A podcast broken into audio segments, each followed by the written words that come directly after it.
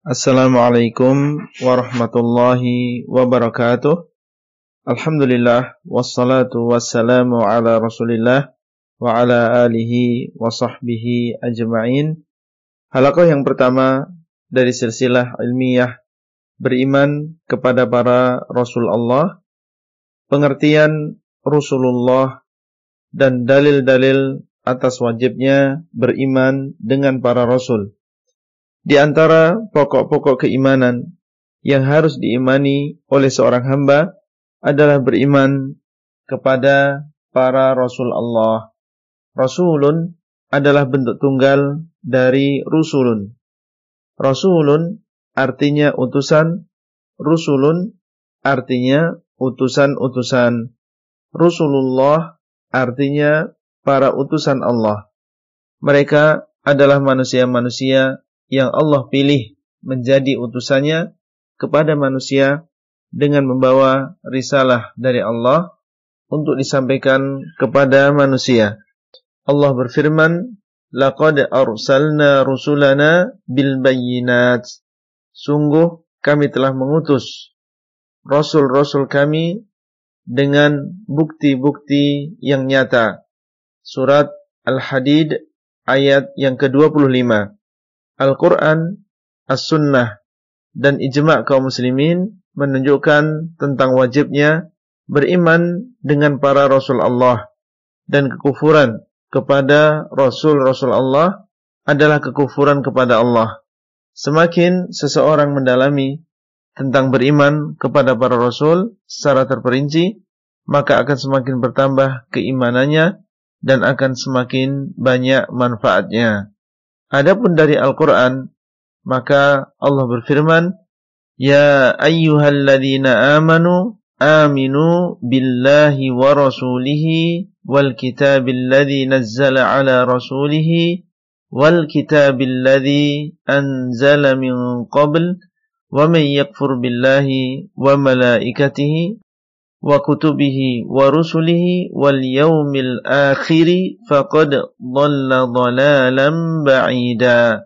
Wahai orang-orang yang beriman, berimanlah kepada Allah dan Rasulnya dan kitab yang telah diturunkan kepada Rasulnya dan kitab yang diturunkan sebelumnya dan barang siapa yang kufur kepada Allah, malaikat-malaikatnya, kitab-kitabnya dan rasul-rasulnya dan hari akhir, maka sungguh dia telah sesat dengan kesesatan yang jauh. Surat An-Nisa ayat 136. Adapun dari As-Sunnah, maka Nabi Shallallahu alaihi wasallam bersabda ketika ditanya oleh Jibril tentang apa itu iman, Al-imanu an tu'mina billahi wa malaikatihi wa kutubihi wa rusulihi wal yaumil akhir wa tu'mina bil qadari khairihi wa syarrih. Beriman adalah engkau beriman kepada Allah, malaikat-malaikatnya, kitab-kitabnya, rasul-rasulnya, dan hari akhir, dan engkau beriman dengan takdir yang baik maupun yang buruk. Beliau mengatakan, Sodakta, engkau telah benar. Hadis ini diriwayatkan oleh Imam Muslim, dan para ulama berijma' atas wajibnya beriman kepada Rasul-Rasul Allah Azza wa Jal. Itulah yang bisa kita sampaikan pada halaqah kali ini. Dan sampai bertemu kembali pada halaqah selanjutnya. Wassalamualaikum warahmatullahi wabarakatuh. Materi audio ini disampaikan di dalam grup WA Halaqah Silsilah Ilmiah HSI Abdullah Rai. Assalamualaikum warahmatullahi wabarakatuh. Alhamdulillah wassalatu wassalamu ala Rasulillah wa ala alihi wa sahbihi ajma'in. Halaqah yang kedua dari silsilah beriman kepada para rasul, perbedaan antara nabi dan rasul. Dalil-dalil menunjukkan adanya perbedaan antara nabi dan rasul. Allah berfirman, وما أرسلنا من قبلك من رسول ولا نبي إلا إذا تمنى ألقى الشيطان في أمنيته.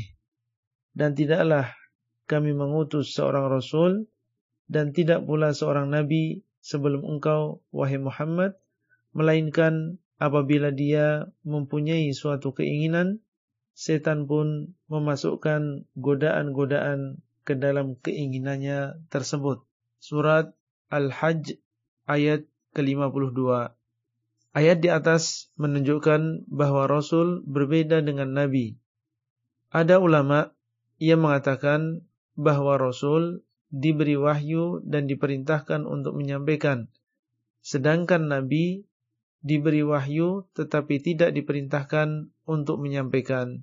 Namun ini adalah pendapat yang lemah karena ternyata dalil menunjukkan bahwa Nabi juga diutus dan diperintah menyampaikan wahyu sebagaimana dalam firman Allah وَمَا أَرْسَلْنَا مِنْ قَبْلِكَ مِنْ رَسُولٍ وَلَا نَبِيٍّ إِلَّا إِذَا تَمَنَّى أَلْقَى الشَّيْطَانُ فِي أُمْنِيَتِهِ Dan tidaklah kami mengutus sebelummu seorang Rasul dan tidak pula seorang Nabi kecuali apabila dia berkeinginan maka syaitan memasukkan godaan-godaannya ke dalam keinginannya tersebut surat Al-Hajj ayat yang ke-52. Allah mengatakan, dan tidaklah kami mengutus sebelummu seorang rasul dan tidak pula seorang nabi. Ini menunjukkan bahwa nabi juga diutus, berarti dia diperintah untuk menyampaikan. Demikian pula di dalam hadis Rasulullah sallallahu alaihi wasallam bersabda, "Uridat alayyal umamu fara'aitun nabiyya wa ma'ahu ar-rahidu wan nabiyya wa ma'ahu ar-rajulu war-rajulani wan nabiyya laisa ma'ahu ahadun ditampakkan kepadaku umat-umat maka aku melihat seorang nabi bersama beberapa orang dan aku melihat seorang nabi bersama satu dan dua orang dan seorang nabi dan tidak seorang pun bersama beliau hadis riwayat Al-Bukhari dan Muslim. Hadis ini menunjukkan bahwa Nabi juga diperintahkan untuk berdakwah dan menyampaikan risalah. Dari sekian banyak pendapat tentang perbedaan antara Nabi dan Rasul, pendapat yang lebih dekat insyaallah adalah pendapat yang mengatakan bahwa Nabi adalah orang yang Allah berikan wahyu diperintahkan untuk menyampaikan syariat sebelumnya dan diutus kepada kaum yang sudah mengetahui syariat tersebut. Dan inilah pendapat yang dikuatkan oleh Syekhul Islam Ibn Taimiyah dan Syekh Muhammad Al-Amin Asy-Shinqiti semoga Allah merahmati keduanya. Di antara dalilnya adalah firman Allah Inna anzalna at-taurata fiha hudan wa nurun yahkumu biha an-nabiyyuna alladhina aslamu lilladhina hadu. Sesungguhnya kami telah menurunkan Taurat di dalamnya ada petunjuk dan cahaya yang para nabi yang menyerahkan diri menghukumi dengan Taurat tersebut bagi orang-orang Yahudi. Surat Al-Maidah ayat yang ke-44. Di dalam ayat ini nabi-nabi Bani Israel mereka menyampaikan syariat Nabi Musa yang ada di dalam Taurat.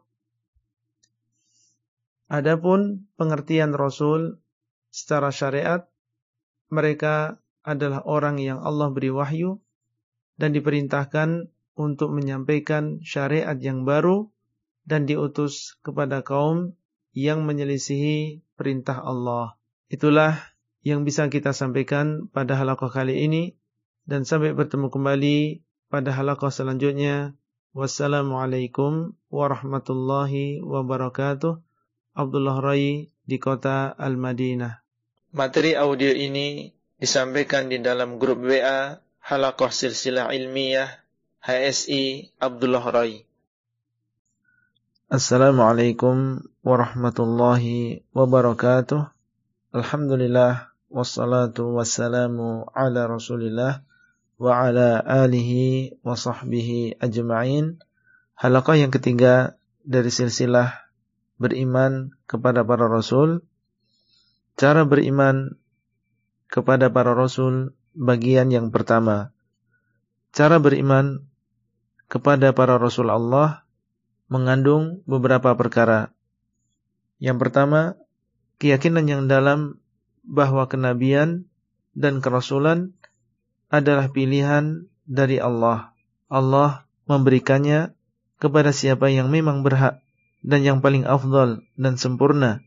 Allah Subhanahu wa taala berfirman, "Allahu a'lamu haitsu yaj'alu risalatah." Allah lebih tahu di mana Allah meletakkan risalahnya. Al-An'am 124. Dan Allah SWT berfirman, Allahu yastafi minal malaikati rusulan wa minan nas. Innallaha sami'un basir. Allah memilih rasul-rasul dari kalangan malaikat dan dari kalangan manusia. Sesungguhnya Allah Maha mendengar lagi Maha melihat. Surat Al-Hajj ayat 75. Yang kedua, keyakinan yang dalam bahwa mereka yaitu para rasul Allah adalah makhluk Allah yang paling sempurna baik ilmu, amalan, i'tiqad maupun penciptaan atau fisik mereka. Allah SWT berfirman menceritakan tentang Nabi Nuh alaihissalam, "Innahu kana 'abdan syakura." Sesungguhnya dia yaitu Nuh adalah hamba yang banyak bersyukur. Surat Al-Isra ayat yang ketiga. Dan Allah SWT berfirman, Inna Ibrahim lahalimun awahun munib. Sesungguhnya Ibrahim adalah seorang penyantun, lembut hati, dan suka kembali, yaitu kembali kepada Allah. Surat Hud ayat ke-75. Dan Allah SWT berfirman, Qalu la taujal inna nubashiruka bi ghulamin alim. Mereka berkata, Janganlah engkau, wahai Ibrahim, takut. Sesungguhnya kami memberikan kabar gembira kepada dirimu dengan seorang anak yang alim. Surat Al-Hijr ayat yang ke-53. Yang dimaksud dengan anak tersebut adalah Nabi Ishaq alaihi salam. Dan Allah Subhanahu wa taala berfirman, "Ya Yahya, khudhil kitaba biquwwah wa atainahu al-hukma sabiyya wa hananan min ladunna wa zakatan wa kana taqiyya wa barran biwalidayhi wa lam yakun jabbaran asiyya." Wahai Yahya, ambillah kitab Taurat dengan sungguh-sungguh dan kami berikan hikmah kepadanya selagi dia masih kanak-kanak dan kami jadikan rasa kasih sayang kepada sesama dari kami dan bersih dari dosa dan dia pun seorang yang bertakwa dan sangat berbakti kepada kedua orang tuanya dan dia bukan orang yang sombong, bukan pula orang yang durhaka. Surat Maryam ayat yang ke-12 sampai 14. Dan Allah SWT berfirman, "Wa innaka la'ala khuluqin 'azim." Dan sesungguhnya engkau wahai Muhammad berada di atas akhlak yang agung. Surat Al-Qalam ayat yang keempat. Dan juga ayat-ayat yang lain yang menunjukkan tentang kesempurnaan para nabi dan para rasul Allah di dalam ilmu, amalan, i'tiqad dan juga fisik mereka. Itulah yang bisa kita sampaikan pada halaqah kali ini dan sampai bertemu kembali pada halaqah selanjutnya. Wassalamualaikum warahmatullahi wabarakatuh. Abdullah Rai di kota Al-Madinah. Materi audio ini disampaikan di dalam grup WA Halakoh Silsilah Ilmiah HSI Abdullah Rai.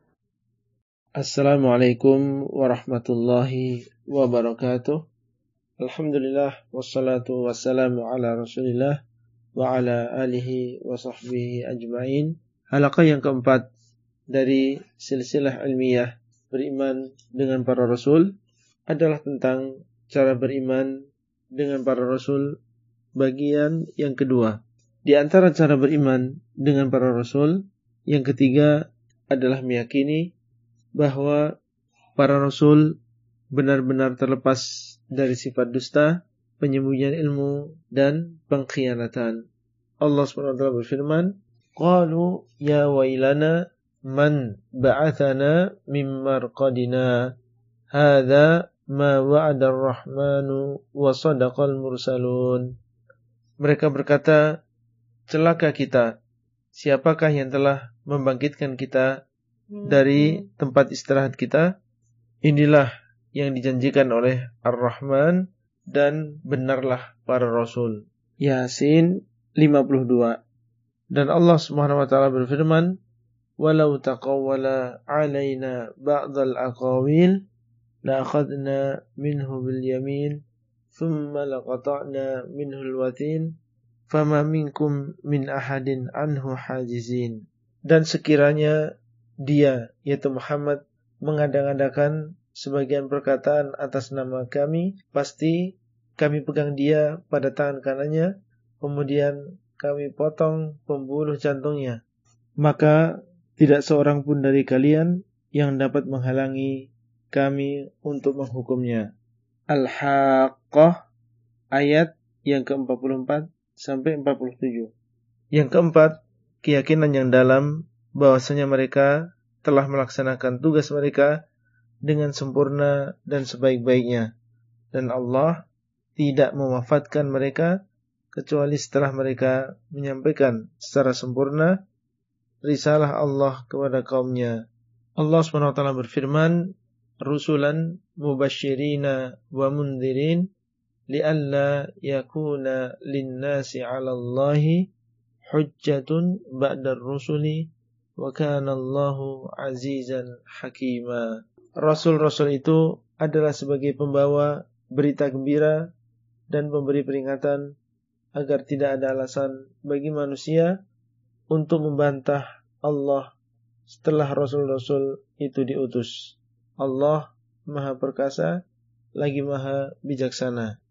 Surat An-Nisa 165 dan Allah berfirman, "Wa ma arsalna mir rasulin illa bilisani qaumihi liyubayyana lahum." Dan tidaklah kami utus seorang rasul kecuali dengan bahasa kaumnya supaya dia menerangkan kepada mereka. Surat Ibrahim ayat yang keempat. Itulah yang bisa kita sampaikan pada halaqah kali ini dan sampai bertemu kembali pada halaqah selanjutnya. Wassalamualaikum warahmatullahi wabarakatuh. Abdullah Rai di kota Al-Madinah. Materi audio ini disampaikan di dalam grup WA Halaqah Silsilah Ilmiah HSI Abdullah Rai. Assalamualaikum warahmatullahi wabarakatuh. Alhamdulillah wassalatu wassalamu ala Rasulillah wa ala alihi wa sahbihi ajma'in. Halaqah yang kelima dari silsilah beriman kepada Rasul-Rasul Allah adalah tentang cara beriman dengan para Rasul bagian yang ketiga. Di antara cara beriman dengan para Rasul Allah yang kelima adalah meyakini dengan keyakinan yang dalam bahwa mereka, yaitu para rasul, adalah manusia. Menimpa mereka apa yang menimpa manusia yang lain, mereka makan, minum, mencari rezeki, menikah, memiliki keturunan, tertimpa sakit, terbunuh, meninggal, dan lain-lain. Allah Subhanahu wa taala berfirman, "Qul innama ana basyarun mithlukum yuha ilayya." Katakanlah, sesungguhnya aku adalah manusia seperti kalian diwahyukan kepadaku. Surat Al-Kahfi ayat 110. Dan Allah Subhanahu wa taala berfirman, "Qul subhana rabbi hal kuntu illa basyaran rasula." Katakanlah, Maha suci Rabbku, tidaklah aku kecuali seorang manusia yang diutus. Al-Isra ayat 93. Mereka makan, minum, dan mencari rezeki. Allah Subhanahu wa taala berfirman, "Wa ma arsalna qablaka minal mursalina illa innahum layakuluna at-ta'ama wa yamshuna fil aswaq." Dan tidaklah kami mengutus sebelummu seorang rasul kecuali mereka memakan makanan dan pergi ke pasar. Surat Al-Furqan ayat yang ke-20.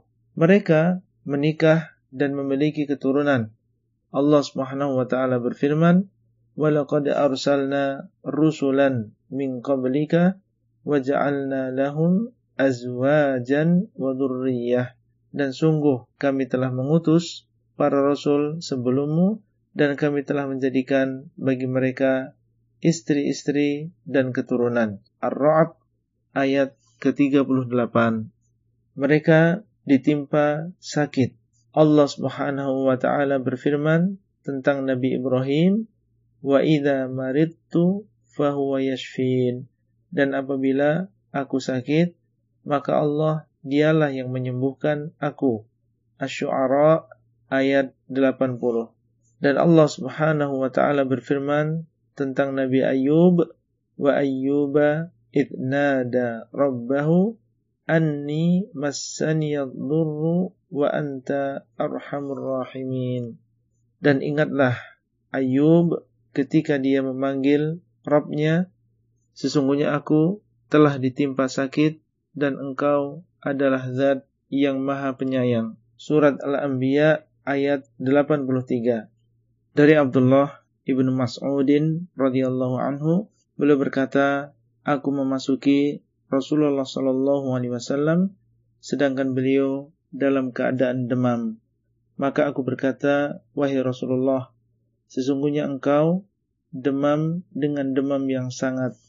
Beliau mengatakan, Sallallahu Alaihi Wasallam, iya, sesungguhnya aku tertimpa demam, sebagaimana dua orang di antara kalian tertimpa demam. Hadis riwayat Al-Bukhari. Mereka, yaitu para Rasulullah, meninggal dunia sebagaimana firman Allah Azza wa Jal innaka mayyitun wa innahum mayyitun. Sesungguhnya engkau akan meninggal dan mereka pun akan meninggal.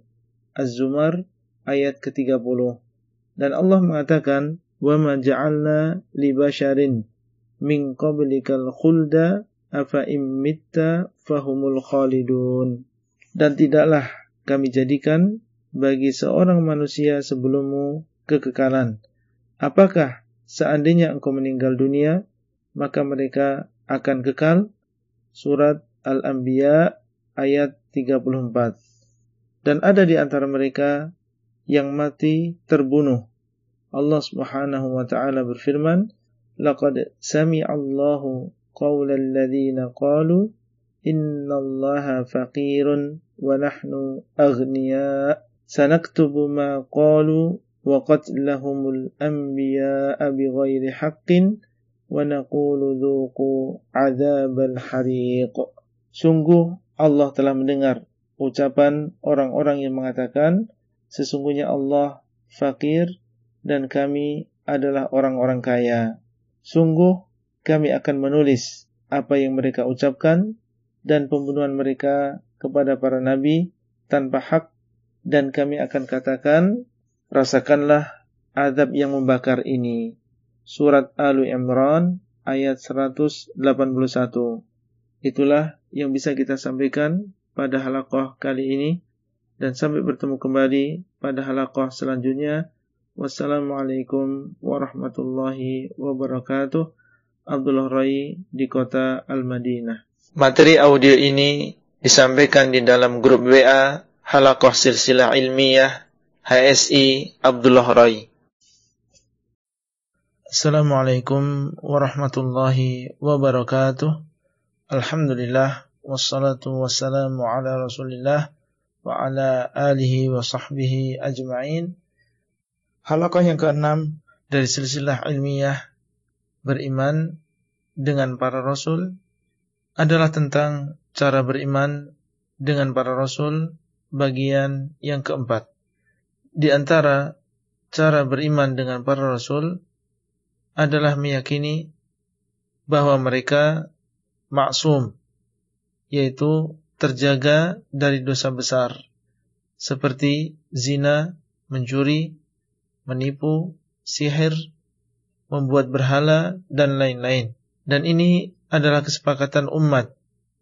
Adapun orang Yahudi dan Nasrani maka mereka menganggap para nabi dan rasul melakukan dosa besar seperti keyakinan bahwa Nabi Harun dialah yang membuat berhala dan keyakinan bahwa Nabi Ibrahim mengorbankan istrinya Sarah kepada Firaun dan seperti keyakinan bahwa Nabi Lut alaihi salam mabuk dan lain-lain.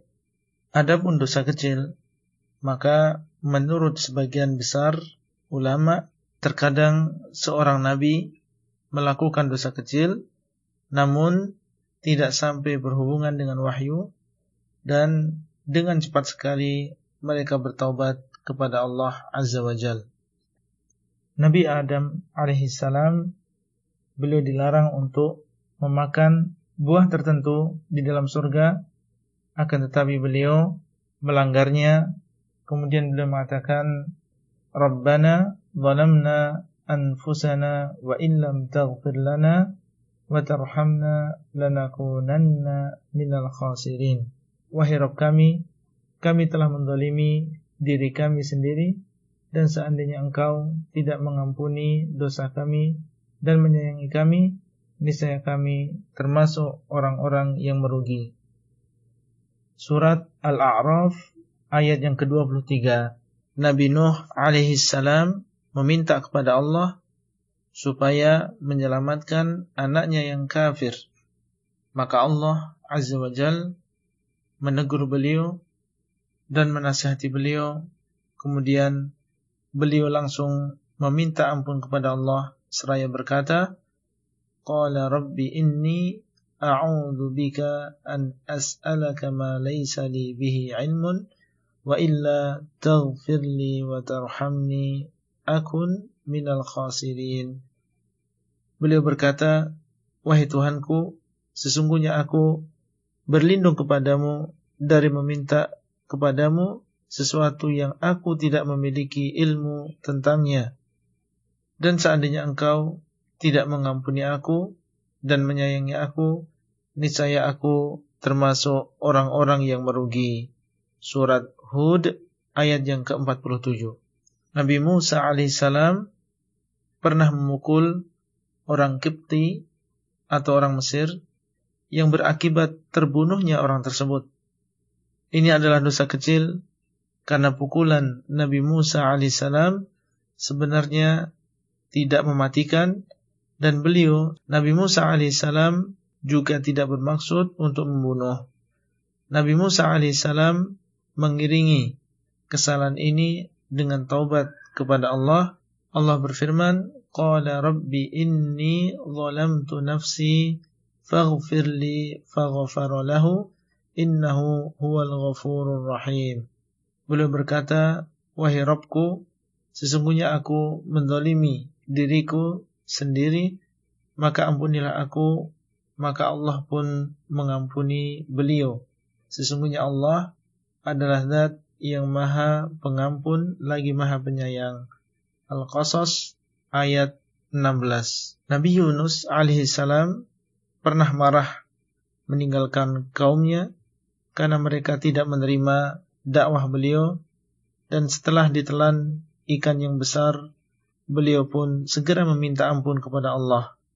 Allah berfirman, وَذَنُّونِ إِذْ ذَهَبَ مُغَاضِبًا فَظَنَّ أَنْ لَنْ نَقْدِرَ عَلَيْهِ فَنَادَى فِي الظُّلُمَاتِ أَلَّا إِلَهَ إِلَّا أَنْتَ سُبْحَانَكَ إِنِّي كُنْتُ مِنَ الظَّالِمِينَ Dan ingatlah kisah Zunnun yaitu Yunus ketika dia pergi dalam keadaan marah lalu dia menyangka bahwa kami tidak akan menyulitkannya maka dia berdoa dalam keadaan yang sangat gelap. Tidak ada sesembahan yang berat disembah kecuali engkau. Maha suci engkau sungguh aku termasuk orang-orang yang zalim.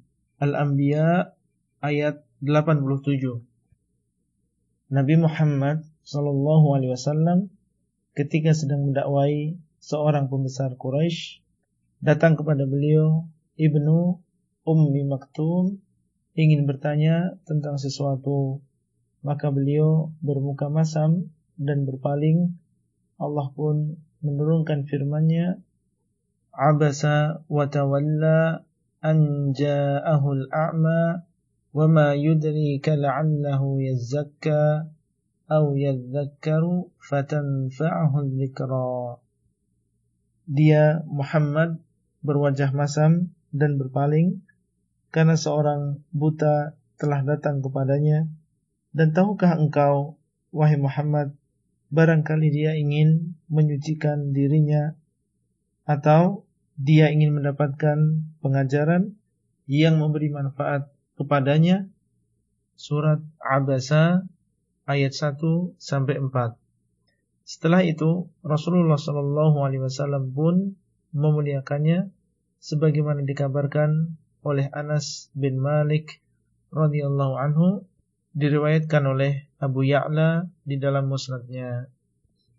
Itulah yang bisa kita sampaikan pada halakoh kali ini dan sampai bertemu kembali pada halakoh selanjutnya.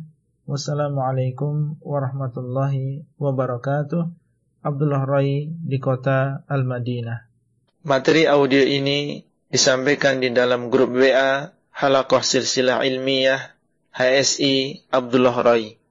Assalamualaikum warahmatullahi wabarakatuh. Alhamdulillah wassalatu wassalamu ala Rasulillah wa ala alihi wa sahbihi ajma'in. Halaqah yang ketujuh dari silsilah ilmiah beriman kepada para rasul adalah cara beriman kepada para rasul bagian kelima. Di antara cara beriman dengan para rasul adalah yang ketujuh waspada dari gulu atau berlebihan terhadap para rasul alaihi salam seperti menganggap beliau mengetahui yang gaib atau mensifati beliau dengan sifat-sifat ketuhanan. Dan Allah Azza wa Jal telah melarang ahlul kitab dari sikap gulu dengan firman-Nya Ya ahlal kitabi la taghlu fi dinikum wa la taqulu 'ala Allahi illa al-haqq innamal masihu Isa bin Maryam rasulullah wa kalimatuhu alqaha ila Maryam wa ruhum minhu fa'aminu billahi wa rusulihi wa la taqulu thalatha. Janganlah kalian berlebih-lebihan di dalam agama kalian dan janganlah kalian berkata atas nama Allah kecuali kebenaran. Sesungguhnya Isa bin Maryam adalah Rasulullah dan kalimatnya yang dia lemparkan kepada Maryam dan dia adalah ruh darinya, maka berimanlah kalian kepada Allah dan Rasulnya, dan janganlah kalian katakan Tuhan itu tiga. An-Nisa ayat 171.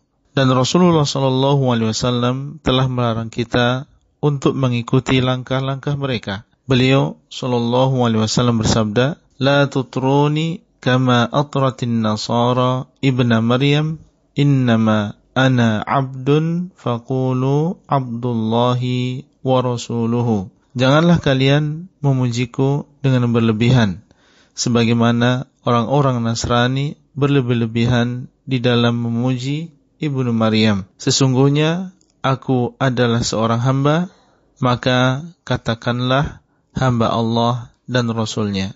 Hadis sahih riwayat Bukhari. Dan di antara bentuk ghulu adalah orang-orang Nasrani mengatakan Isa adalah anak Allah. Orang-orang Yahudi mengatakan Uzair adalah anak Allah. Allah berfirman, وَقَالَتِ الْيَهُودُ عُزَيْرٌ ابْنُ اللَّهِ وَقَالَتِ النَّصَارَى الْمَسِيحُ ابْنُ اللَّهِ ذَلِكَ قَوْلُهُمْ بِأَفْوَاهِهِمْ يُضَاهِئُونَ قَوْلَ الَّذِينَ كَفَرُوا مِنْ قَبْلِ قَاتَلَهُمُ اللَّهُ anna yu'fakun. Telah berkata orang-orang Yahudi bahwa Uzair adalah anak Allah dan berkata orang-orang Nasrani bahwa Al-Masih adalah anak Allah. Demikianlah ucapan-ucapan mereka dengan mulut-mulut mereka mereka menyamai ucapan orang-orang yang kafir sebelum mereka. Allah melaknat mereka lalu bagaimana mereka berpaling. Surat At-Taubah ayat 30. Padahal para rasul alaihi salam tidak memiliki sedikit pun sifat rububiyah dan uluhiyah, yaitu sifat-sifat ketuhanan.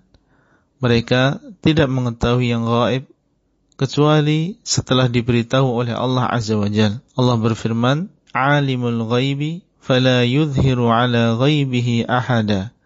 Illa man irtada mir rasul. Dialah Allah yang mengetahui perkara yang gaib, maka tidaklah dia menampakkan perkara yang gaib kepada siapa pun kecuali orang yang Allah ridhai dari kalangan para rasul.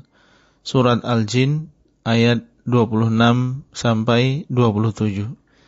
Dan mereka juga tidak memberikan manfaat dan mudarat kecuali dengan kehendak Allah.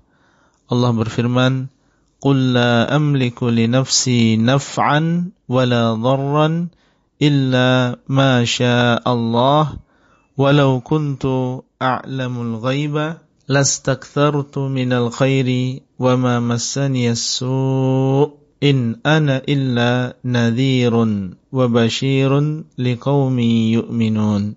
Katakanlah aku tidak memiliki untuk diriku sendiri manfaat dan mudarat kecuali apabila Allah menghendaki dan seandainya aku mengetahui perkara yang gaib niscaya aku akan memperbanyak kebaikan dan tentunya aku tidak akan ditimpa kejelekan.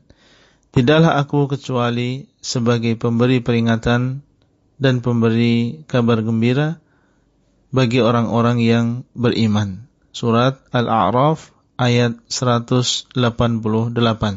Itulah yang bisa kita sampaikan pada halakoh kali ini dan sampai bertemu kembali pada halakoh selanjutnya.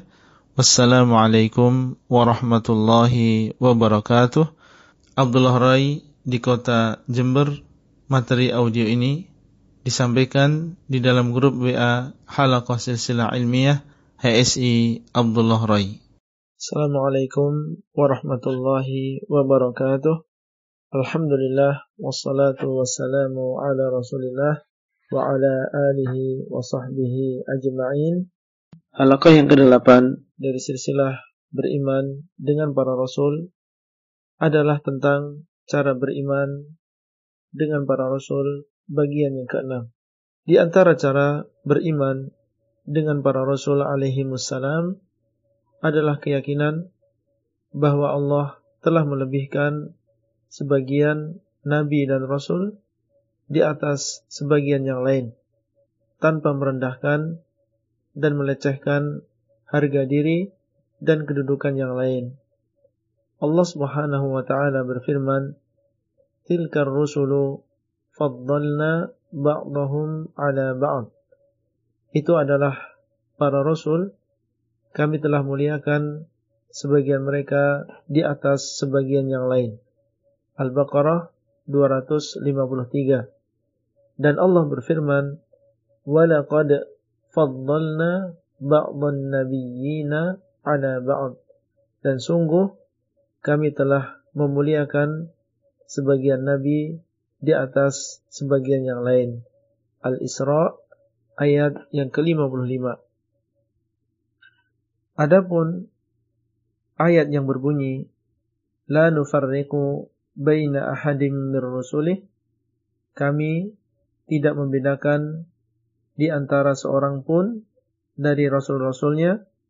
Surat Al-Baqarah 285 maka yang dimaksud dengan membeda-bedakan di sini adalah beriman dengan sebagian rasul dan mengingkari sebagian yang lain seperti orang yang beriman dengan Nabi Isa alaihissalam dan kufur dengan Nabi Muhammad sallallahu alaihi wasallam.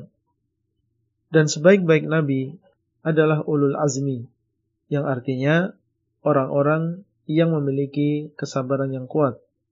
Allah Subhanahu wa taala berfirman, "Fasbir kama sabara ulul azmi minar rusuli." Maka bersabarlah engkau sebagaimana ulul azmi di antara para rasul telah bersabar. Surat Al-Ahqaf ayat yang ke-35. Menurut sebagian ulama, yang dimaksud dengan ulul azmi adalah lima orang.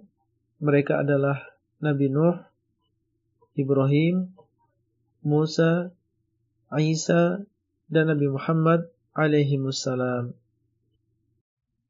Nama-nama mereka telah terkumpul di dalam dua ayat dari surat Al-Ahzab dan surat Ashura. Allah Subhanahu wa taala berfirman, "Wa id akhadna minan nabiyyina mitsaqahum wa minka wa min Nuhin wa Ibrahim wa Musa wa Isa bin Maryam. Wa akhadna dan ketika kami mengambil perjanjian dari para nabi darimu Nuh Ibrahim Musa dan Isa bin Maryam dan kami telah mengambil dari mereka perjanjian yang kuat Al-Ahzab ayat yang ketujuh dan Allah mengatakan syara'a lakum minad dini ma wassa bihi Nuhan walladhi awhayna ilaika wa ma wassayna bihi Ibrahim wa Musa wa Isa. Allah telah mensyariatkan bagi kalian dari agama apa yang Allah wasiatkan kepada Nuh dan apa yang telah kami wahyukan kepadamu dan apa yang telah kami wasiatkan kepada Ibrahim, Musa, dan Isa. Ashura ayat yang ke-13. Kelima nabi inilah dan juga Nabi Adam yang tersebut di dalam hadis tentang asy-syafa'atul uzma yang kita sudah sebutkan di dalam silsilah beriman dengan hari akhir dan sebaik-baik ulul azmi adalah dua orang nabi. Yang keduanya adalah Khalilullah, kekasih Allah. Beliau berdua adalah Nabi Ibrahim alaihi salam dan Nabi Muhammad sallallahu alaihi wasallam. Dalilnya adalah firman Allah, "Wattaqadallahu Ibrahim khalila." Dan Allah telah menjadikan Ibrahim sebagai kekasihnya. An-Nisa 125. Dan Rasulullah sallallahu alaihi wasallam bersabda, "Fa inna Allah ta'ala qad ittakhadhani khalilan kama ittakhadha Ibrahim khalilan." Maka sesungguhnya Allah taala telah menjadikan aku sebagai kekasih sebagaimana Allah telah menjadikan Ibrahim sebagai kekasih. Hadis riwayat Muslim. Dan sebaik-baik kekasih Allah adalah Nabi Muhammad sallallahu alaihi wasallam. Rasulullah sallallahu alaihi wasallam bersabda, "Ana sayyidu waladi Adam yaumal qiyamah."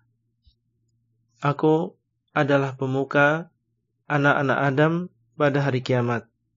Hadis riwayat Muslim.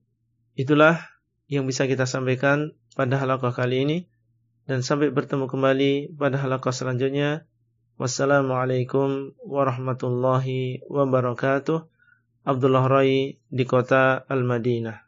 Materi audio ini disampaikan di dalam grup WA Halaqah Silsilah Ilmiah HSI Abdullah Rai. Assalamualaikum warahmatullahi wabarakatuh. Alhamdulillah wassalatu wassalamu ala Rasulillah wa ala alihi wa sahbihi ajma'in. Halaqah yang kesembilan dari silsilah beriman dengan para rasul adalah tentang cara beriman dengan para rasul bagian yang ketujuh. Di antara cara beriman dengan para rasul adalah keyakinan yang kuat bahwa seluruh nabi dan rasul alaihi salam telah bersepakat dalam berdakwah kepada tauhid dan mengingatkan umat mereka dari kesyirikan. Allah Subhanahu wa taala berfirman, "Walaqad ba'atsna fi kulli ummatin rasulan an ya'budullaha wajtanibut tagut." Dan sungguh kami telah mengutus kepada setiap umat seorang rasul supaya kalian hanya menyembah kepada Allah dan jauhilah Tawud. Ini masuk dengan Tawud adalah segala sesuatu yang disembah selain Allah. Dalam ayat yang lain, Allah mengatakan, وَمَا أَرْسَلْنَا مِنْ قَبْلِكَ مِنْ رَسُولٍ إِلَّا نُوحِي إِلَيْهِ أَنَّهُ لَا إِلَهَ إِلَّا أَنَا فَعْبُدُونَ dan tidaklah kami mengutus sebelummu seorang rasul kecuali kami wahyukan kepadanya bahwa tidak ada sesembahan yang berat disembah kecuali aku, maka adalah kalian menyembah hanya kepadaku. Al-Anbiya ayat 25. Dan Allah Subhanahu wa taala mengatakan, "Wadhkur akha 'adin id qaumahu bil ahqaf khalatin nudhuru min baini yadayhi wa min khalfihi alla ta'budu illallah." Dan ingatlah saudara kaum 'Ad ketika dia memberikan peringatan kepada kaumnya yang tinggal di bukit-bukit pasir dan telah berlalu para rasul yang memberikan peringatan sebelum dia dan setelah dia supaya kalian tidak menyembah kecuali hanya kepada Allah. Al-Ahqaf ayat yang ke-21. Tiga ayat di atas menunjukkan bahwasanya setiap rasul dan setiap nabi inti dakwah mereka satu yaitu tauhid. Allah Subhanahu wa taala telah menceritakan di dalam Al-Qur'an beberapa kisah nabi alaihi wasallam dan dakwah mereka di antara kaumnya. Allah Subhanahu wa taala menceritakan tentang Nabi Nuh alaihi salam, لقد أرسلنا نوحا إلى قومه فقال يا قوم qaumi الله ما لكم من إله غيره Sungguh kami telah mengutus Nuh kepada kaumnya, maka dia berkata, wahai kaumku, hendaklah kalian menyembah kepada Allah, kalian tidak memiliki sesembahan yang berat disembah kecuali dia. Al-A'raf ayat yang ke-59. Dan Allah Subhanahu wa taala menceritakan tentang Nabi Hud alaihi salam. Allah mengatakan wa ila 'adin akhahum huda qala ya qaumi ibudullaha ma lakum min ilahin ghairuh afala tattaqun. Dan kami telah mengutus kepada kaum 'Ad saudara mereka Hud alaihi salam dia berkata wahai kaumku hendaklah kalian menyembah kepada Allah tidak ada sesembahan yang berat disembah oleh kalian kecuali dia. Mengapa kalian tidak bertakwa? Al-A'raf ayat yang ke-65. Dan Allah mengatakan, Wa ila thamud akhahum salihah qala ya qaumi ibudullaha ma lakum min ilahin ghairuh. Dan kami telah mengutus kepada kaum Thamud saudara mereka Saleh dia berkata, Wahai kaumku, hendaklah kalian menyembah kepada Allah, kalian tidak memiliki sesembahan yang berat disembah kecuali Dia. Al-A'raf ayat yang ke-73. Dan Allah Subhanahu wa taala berfirman tentang Nabi Shu'aib alaihi salam, "Wa ila Madyan aqahum Shu'aiba qala ya qaumi ibudullaha ma lakum min ilahin ghairuh." Dan kami telah mengutus kepada Madian. Saudara mereka Shu'aib dia berkata wahai kaumku sembahlah Allah. Kalian tidak memiliki sesembahan yang berat disembah kecuali dia. Ayat-ayat di atas menunjukkan bahwasanya masing-masing dari para nabi dan rasul berdakwah kepada tauhid yang merupakan inti dari ajaran mereka. Adapun hukum-hukum seperti tata cara ibadah atau halal dan haram, maka kadang-kadang terjadi perbedaan. Allah berfirman, "Likullin ja'alna minkum syir'atan wa minhaja." Masing-masing kami telah jadikan syariat dan juga cara. Surat Al-Maidah ayat yang ke-48. Rasulullah sallallahu alaihi wasallam bersabda, "Wal anbiya'u ikhwatun li'allatin ummahatuhum syatta wa dinuhum wahidun. Para nabi adalah saudara sebapak, ibu-ibu mereka berbeda, tetapi agama mereka satu. Hadis riwayat Al-Bukhari dan Muslim. Di dalam hadis ini, para nabi diumpamakan seperti saudara-saudara dari satu bapak berlainan ibu. Maksudnya, sama-sama berdakwah kepada tauhid meskipun dengan cara ibadah yang berbeda. Berkata Al-Imam An-Nawawi rahimahullah, "Fal muradu bihi usul tauhid wa aslu ta'atillahi ta'ala wa in ikhtalafat sifatuha." Maka yang dimaksud dengannya adalah pokok-pokok dari tauhid dan pokok ketaatan kepada Allah Ta'ala meskipun berbeda caranya. Itulah yang bisa kita sampaikan pada halaqah kali ini dan sampai bertemu kembali pada halaqah selanjutnya. Wassalamualaikum warahmatullahi wabarakatuh. Abdullah Rai di kota Al-Madinah. Materi audio ini disampaikan di dalam grup WA Halaqah Silsilah Ilmiah HSI Abdullah Rai. Assalamualaikum warahmatullahi wabarakatuh.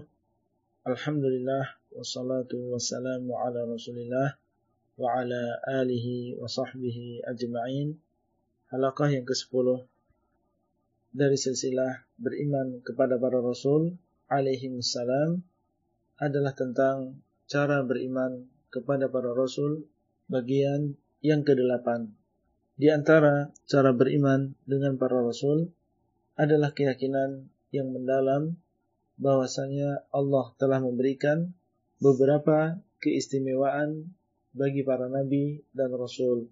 Di antaranya yang pertama adalah wahyu. Allah berfirman, "Inna ilaika kama awhayna ila Nuhin wan nabiyyina min ba'dih." Sesungguhnya kami telah wahyukan kepadamu sebagaimana kami wahyukan kepada Nuh dan nabi-nabi setelah dia An-Nisa 163. Dan di antara keistimewaan para nabi apabila meninggal dunia tidak diwarisi dan keluarganya tidak berhak untuk mewarisi hartanya. Rasulullah Shallallahu Alaihi Wasallam bersabda, "La nurathu ma tarakna sadaqah." Kami tidak diwarisi apa yang kami tinggalkan adalah sadaqah hadis riwayat Al-Bukhari dan Muslim. Yang dimaksud dengan kami di sini adalah seluruh para nabi. Oleh karena itu, ketika Rasulullah Shallallahu Alaihi Wasallam meninggal dan datang Fatimah kepada Abu Bakar As-Siddiq untuk mengambil warisannya, maka Abu Bakar mengabarkan kepada Fatimah dengan hadis ini. Di antara kelebihan dan keistimewaan para nabi bahwa Nabi dikubur di tempat dia meninggal dunia. Rasulullah Wasallam bersabda, "Ma qabadallahu nabiyan illa fil mawdi alladhi yuhibbu an yudfana fihi." Tidaklah Allah mencabut nyawa seorang nabi kecuali di tempat yang dia senang untuk dikuburkan di tempat tersebut. Hadis riwayat At-Tirmidzi dan Ibnu Majah dan disahihkan oleh Syekh Al-Albani rahimahullah. Di antara keistimewaan para nabi bahwa tanah tidak akan memakan jasad para nabi. Rasulullah Shallallahu alaihi wasallam bersabda, "Inna Allah azza wa jalla harrama 'al ardi ajsadal anbiya." Sesungguhnya Allah azza wa jalla mengharamkan atas bumi supaya dia tidak memakan jasad-jasad para nabi. Hadis riwayat Abu Dawud, An-Nasai dan Ibnu Majah dan disahihkan oleh Syekh Al-Albani rahimahullah. Di antara keistimewaan mereka bahwa mereka terjaga dari dosa besar atau maksum dan telah berlalu pembahasan tentang hal ini pada halaqah yang keenam. Dan di antara keistimewaan para nabi bahwa para nabi tidur matanya tetapi tidak tidur hatinya. Anas bin Malik radhiyallahu anhu berkata, "Wan nabiyyu sallallahu alaihi wasallam na'imatun 'ainahu wa la yanamu qalbuhu wa kadzalikal anbiya'u tanamu a'yunuhum wa la tanamu qulubuhum." dan Nabi Shallallahu Alaihi Wasallam tidur kedua matanya dan tidak tidur hatinya. Dan demikianlah para nabi tidur mata-mata mereka dan hati-hati mereka tidak tidur. Hadis riwayat Al-Bukhari. Dan di antara keutamaan para nabi bahwa para nabi hidup di dalam kuburan mereka dalam keadaan salat. Rasulullah Shallallahu Alaihi Wasallam bersabda, Al-anbiya'u ahya'un fi kuburihim yusallun. Para nabi mereka dalam keadaan hidup di dalam kuburan-kuburan mereka dalam keadaan mereka melakukan salat.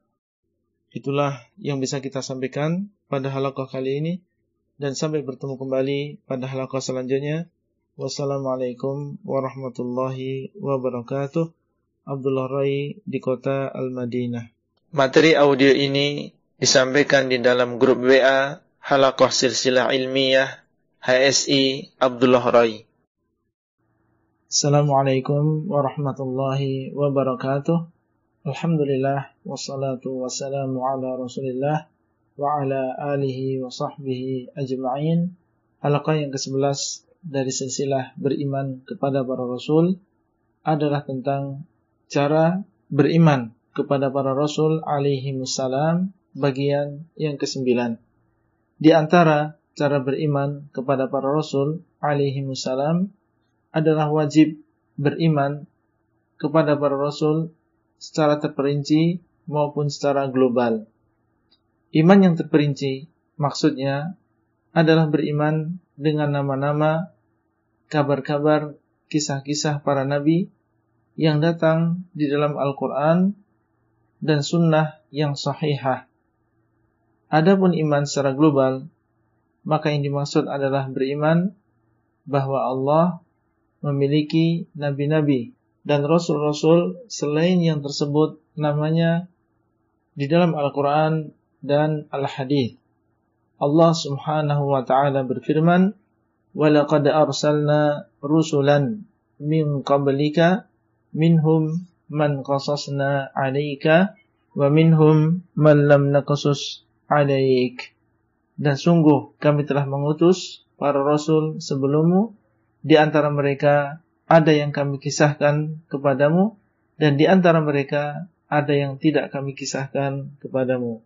Surat Ghafir 78. Barang siapa yang mendustakan dan mengingkari kenabian salah seorang dari para nabi yang telah disepakati kenabiannya, maka pada hakikatnya dia telah mengingkari seluruh nabi. Yang demikian karena inti ajaran para nabi alaihi wassalam adalah sama dan mendustakan sebagian mereka sama dengan mendustakan yang lain. Oleh karena itu, Allah Subhanahu wa taala berfirman, "Kadzabat qaum Nuhinil mursalin." Kaum Nuh telah mendustakan para rasul. Asy-Syu'ara 105. Mereka dianggap mendustakan para rasul padahal tidak diutus kepada mereka kecuali Nabi Nuh. Yang demikian karena mendustakan seorang nabi sama dengan mendustakan semuanya. Dan Allah berfirman, "Kadzabat 'adunil mursalin." Kaum 'Ad mendustakan para rasul. Surat Asy-Syu'ara 123 dan Allah berfirman, "Kadzabat Tsamudul mursalin." Kaum Tsamud mendustakan para rasul. Asy-Syu'ara 141. Dan Allah berfirman, "Kadzabat qaum Lutinil mursalin." Kaum Lut telah mendustakan para rasul Asy-Syu'ara 160 dan tidak datang kepada kaum Nabi Nuh, Ad, Samud dan kaum Nabi Lut kecuali seorang rasul saja. Namun ketika mereka kafir terhadap rasul tersebut, maka pada hakikatnya mereka telah kafir kepada semua rasul.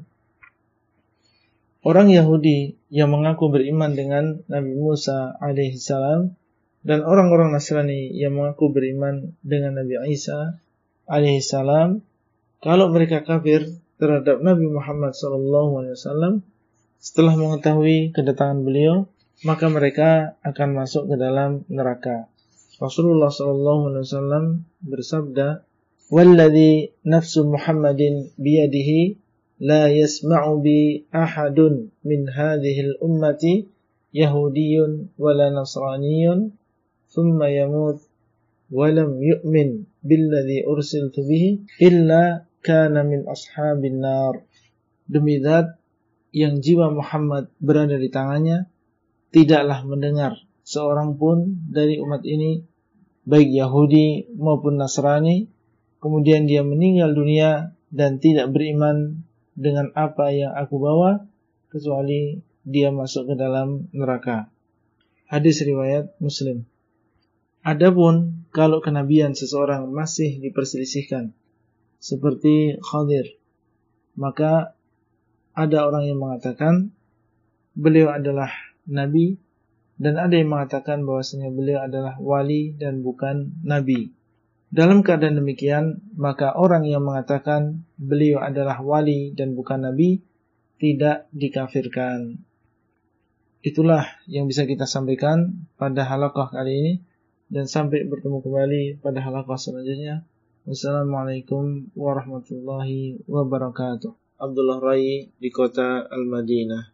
Materi audio ini disampaikan di dalam grup WA Halaqah Silsilah Ilmiah HSI Abdullah Rai. Assalamualaikum warahmatullahi wabarakatuh. Alhamdulillah wassalatu wassalamu ala Rasulillah wa ala alihi wa sahbihi ajma'in.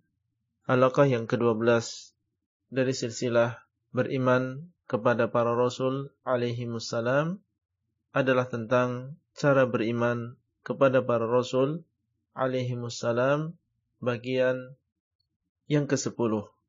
Di antara cara beriman kepada para rasul alaihi wassalam adalah keyakinan bahwa Allah telah menguatkan mereka dengan tanda-tanda kekuasaannya sebagai pembenaran terhadap kenabian mereka.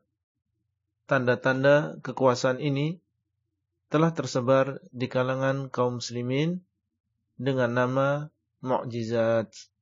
Al-mu'jizat adalah jamak dari al-mu'jizah yang secara bahasa artinya adalah yang melemahkan orang lain sehingga tidak bisa mendatangkan yang semisalnya.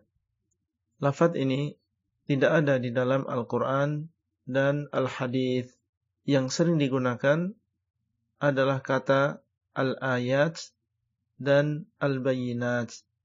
Al-ayat artinya adalah tanda-tanda kekuasaan. Dan al-bayinat artinya adalah bukti-bukti yang jelas. Allah Subhanahu wa taala berfirman, "Wa laqad atayna Musa al-kitaba wa qaffayna min ba'dihi bir-rusul wa atayna Isa bin Maryam al-bayyinat." Dan sungguh kami telah memberikan kepada Musa al-kitab yaitu At-Taurah dan kami susulkan setelahnya para rasul dan kami berikan kepada Isa ibnu Maryam al-Bayyinat surat Al-Baqarah 87 berkata Ibnu Kathir rahimahullah ketika menafsirkan ayat ini walihada a'tahu Allahu minal bayyinati wahia al-mu'jizat oleh karena itu Allah memberikan kepada beliau yaitu Nabi Isa al-bayyinat dan maksudnya adalah al-mu'jizat. Dan Allah Subhanahu wa taala berfirman, "Wa ma kana li rasulin ay ya'tiya bi ayatin illa bi idznillah." Dan seorang rasul tidaklah mendatangkan sebuah ayat kecuali dengan izin Allah. Ar-Ra'd ayat yang ke-38. Rasulullah sallallahu alaihi wasallam bersabda, "Ma minal anbiya'i nabiyyun illa u'tiya minal ayati ma mithluhu umin au amana alaihi al-basharu innama kana alladhi utitu wahyan awhahu Allahu ilayya fa arju anni aktharuhum tabi'an yaumal qiyamah tidaklah ada seorang nabi kecuali diberi tanda-tanda kekuasaan yang beriman dengannya manusia. Dan sesungguhnya yang diberikan kepadaku adalah wahyu yang diwahyukan kepadaku, maka aku berharap bahwa aku yang paling banyak pengikutnya di hari kiamat. Hadis riwayat Al-Bukhari dan Muslim. Pengertian ayah atau mukjizah adalah sesuatu di luar kebiasaan diiringi dengan tantangan dan pengakuan sebagai nabi, tidak ada yang bisa melawannya. Allah sajalah yang menciptakannya sebagai pembenaran dan penguatan bagi para nabinya. Yang dimaksud dengan sesuatu mencakup ucapan dan perbuatan. Dan di luar kebiasaan, maksudnya di luar sesuatu yang menjadi kebiasaan manusia. Diiringi dengan tantangan dan pengakuan sebagai nabi, kalimat ini membedakan antara ayat dengan karamah. Tidak ada yang bisa melawannya. Kalimat ini membedakan antara ayat dengan sihir dan amalan syaitan. Allah sajalah yang menciptakannya. Artinya ini bukan terjadi karena kehendak Nabi, akan tetapi karena kehendak Allah Azza wa Jal dan dialah yang menciptakannya. Allah berfirman, "Wa kana li rasulin ay ya'tiya bi ayatin illa bi idznillah." Dan tidaklah seorang rasul bisa mendatangkan sebuah ayat kecuali dengan izin Allah. Ar-Ra'd ayat 38.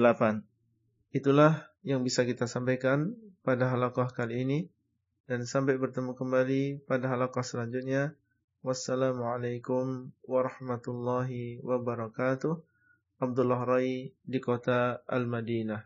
Materi audio ini disampaikan di dalam grup WA Halaqah Silsilah Ilmiah HSI Abdullah Rai. Assalamualaikum warahmatullahi wabarakatuh. Alhamdulillah wassalatu wassalamu ala Rasulillah wa ala alihi wa sahbihi ajma'in.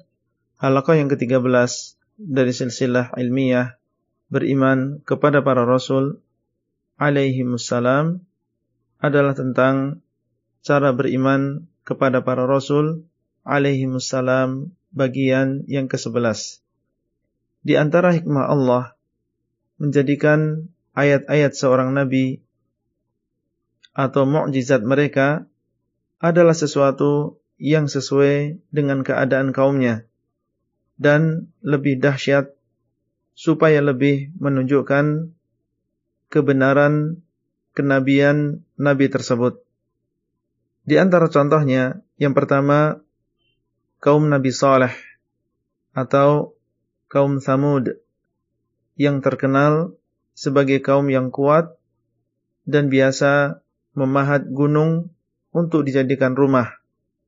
Allah Subhanahu wa taala berfirman, "Wadhkuru id ja'alakum khulafa'a min ba'di 'adin wa bawwa'akum fil ardi tattakhiduna min suhuliha qusuran wa tanhitunal jibala buyutan." Dan ingatlah oleh kalian di waktu Allah menjadikan kalian pengganti-pengganti yang berkuasa sesudah kaum Ad dan memberikan tempat bagi kalian di bumi. Kalian mendirikan istana-istana di tanah-tanahnya yang datar dan kalian memahat gunung-gunungnya untuk dijadikan rumah. Surat Al-A'raf ayat 74. Ketika Nabi Saleh alaihi salam mendakwai mereka, mereka meminta supaya beliau mendatangkan ayat atau tanda kebenaran beliau. Akhirnya mereka meminta supaya keluar dari batu keras yang sudah mereka tentukan onta merah yang sedang hamil 10 bulan. Setelah Nabi Saleh alaihi salam mengambil perjanjian dari mereka supaya beriman kalau permintaan dikabulkan beliau pun berdoa kepada Allah maka bergetarlah batu besar tersebut dan keluar darinya onta dengan sifat yang mereka inginkan tentunya hal ini lebih dahsyat daripada hanya memahat gunung untuk dijadikan rumah yang kedua, sihir di zaman Nabi Musa alaihissalam sangat banyak dan tersebar. Dan mereka adalah kaum yang sangat mengagungkan sihir dan tukang sihir. Dan di antara sihir mereka adalah menipu mata manusia. Seperti menyihir manusia sehingga mereka melihat tali dan tongkat seakan-akan dia adalah ular. Oleh karena itu, di antara ayat yang Allah berikan kepada Nabi Musa adalah berubahnya tongkat menjadi ular secara hakikat dan bukan hanya tipuan mata dan tangan yang bersinar setelah dimasukkan ke dalam saku secara hakikat dan bukan hanya tipuan mata. Allah berfirman, فَأَلْقَى عَصَاهُ فَإِذَا هِيَ ثُعْبَانٌ مُبِينٌ وَنَزَعَ يَدَهُ فَإِذَا هِيَ بَيْضَاءُ لِلنَّاظِرِينَ Lalu Musa melemparkan tongkatnya, tiba-tiba tongkat itu menjadi ular besar yang sebenarnya, dan dia mengeluarkan tangannya, tiba-tiba tangan itu menjadi putih bercahaya bagi orang-orang yang melihatnya. Al-A'raf ayat 107 sampai 108. Maka para tukang sihir akhirnya mengetahui bahwa Nabi Musa alaihi salam memang diutus oleh Allah dan mereka pun masuk Islam dan sangat kuat keislamannya. Yang ketiga, ilmu kedokteran di zaman Nabi Isa alaihi salam sangat populer. Oleh karena itu, Allah Subhanahu wa taala menguatkan Nabi Isa dengan ayat-ayat yang berkaitan dengan penyakit dan penyembuhannya yang tidak mungkin dilakukan oleh seorang dokter seahli apa pun dia. Allah berikan beliau alaihi salam kemampuan menyembuhkan orang yang buta dari lahir, menyembuhkan orang yang berpenyakit kusta, bahkan menghidupkan orang yang sudah mati. Allah berfirman, "Wa id takhluqu minat tini ka hay'ati tayri bi idni fatanfukhu fiha fatakunu tayran idni wa tubri'ul akmaha wal bi idni wa idni." Dan ingatlah ketika engkau membentuk dari tanah berupa burung dengan seizinku kemudian engkau meniupnya, lalu menjadi seekor burung yang sebenarnya dengan seizinku. Dan ingatlah ketika engkau menyembuhkan orang yang buta sejak lahir dan orang yang berpenyakit kusta dengan seizinku. Dan ingatlah ketika engkau mengeluarkan orang mati dari kubur menjadi hidup dengan seizinku. Surat Al-Maidah ayat 110. Itulah yang bisa kita sampaikan pada halaqah kali ini dan sampai bertemu kembali pada halaqah selanjutnya. Wassalamualaikum warahmatullahi wabarakatuh. Abdullah Rai di kota Al-Madinah.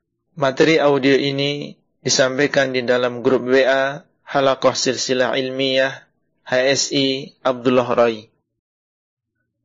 Assalamualaikum warahmatullahi wabarakatuh.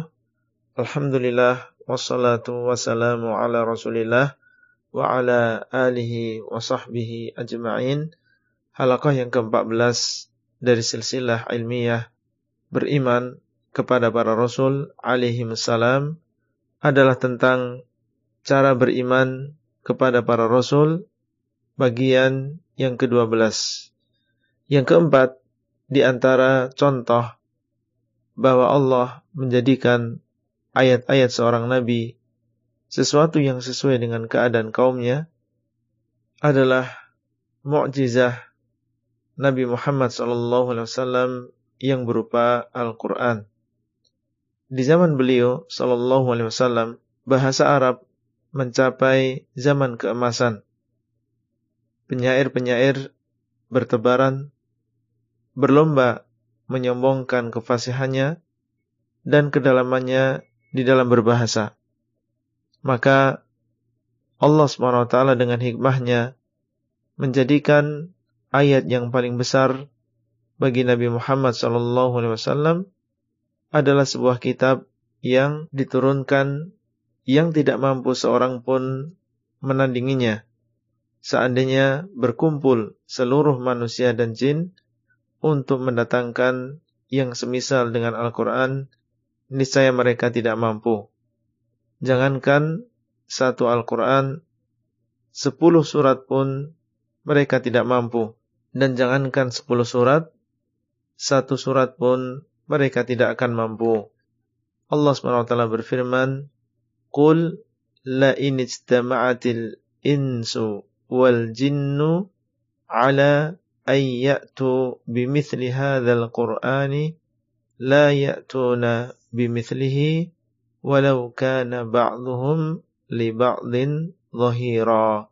Katakanlah, seandainya manusia dan jin berkumpul untuk mendatangkan yang semisal dengan Al-Quran, niscaya mereka tidak akan bisa mendatangkan yang semisalnya, meskipun sebagian mereka membantu sebagian yang lain. Al-Isra ayat yang ke-88.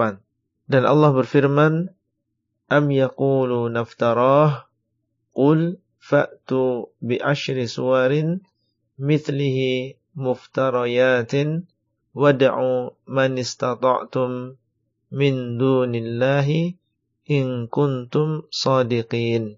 Fa in lam yastajibu lakum fa'lamu annama unzila bi'ilmillah wa alla ilaha illa huwa fahal antum muslimun ataukah mereka berkata Muhammad telah mengada-ngada katakanlah hendaklah kalian datangkan sepuluh surat yang dibuat-buat yang semisal dengan Al-Quran dan panggillah semampu kalian orang-orang selain Allah kalau kalian adalah orang-orang yang benar.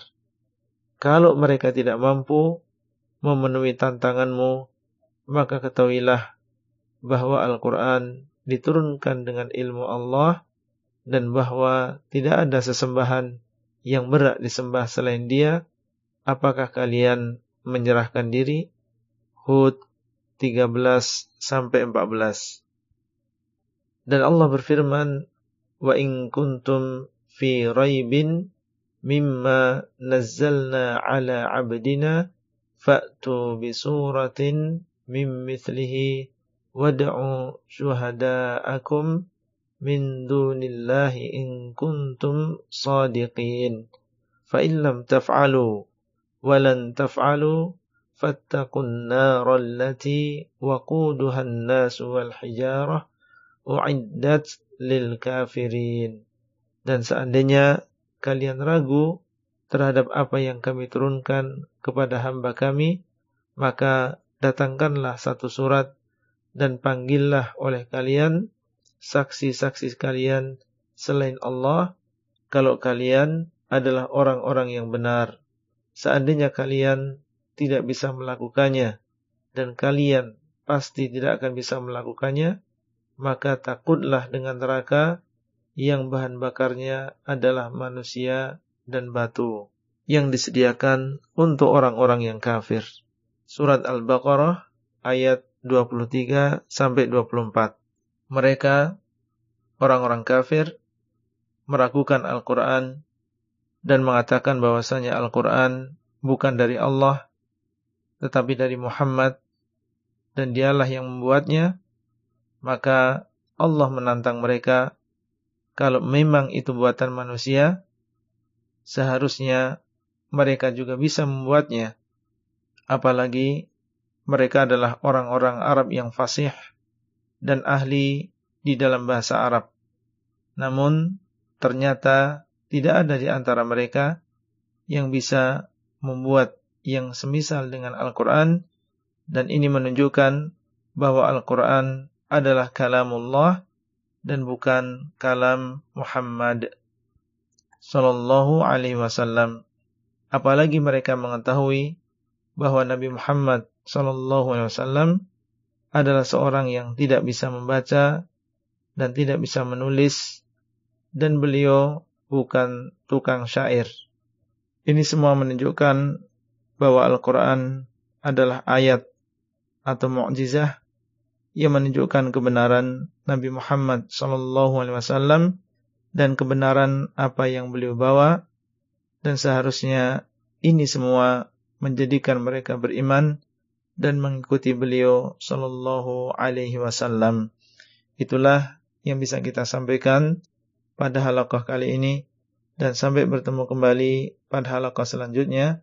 Wassalamualaikum warahmatullahi wabarakatuh.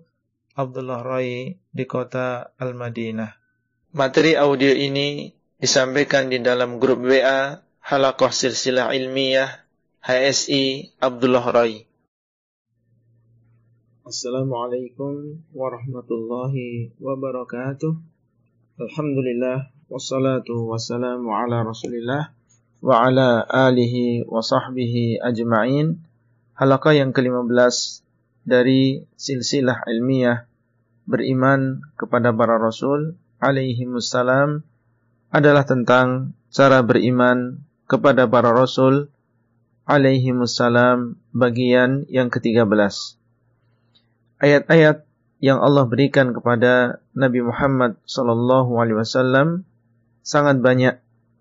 Hal ini menunjukkan keutamaan beliau di sisi Allah dan menunjukkan betapa pentingnya risalah yang beliau bawa karena risalah beliau adalah risalah yang terakhir dan tidak ada lagi risalah setelah risalah beliau sallallahu alaihi wasallam dan di antara ayat-ayat atau mukjizah mukjizah tersebut yang pertama adalah Al-Isra dan Al-Mi'raj.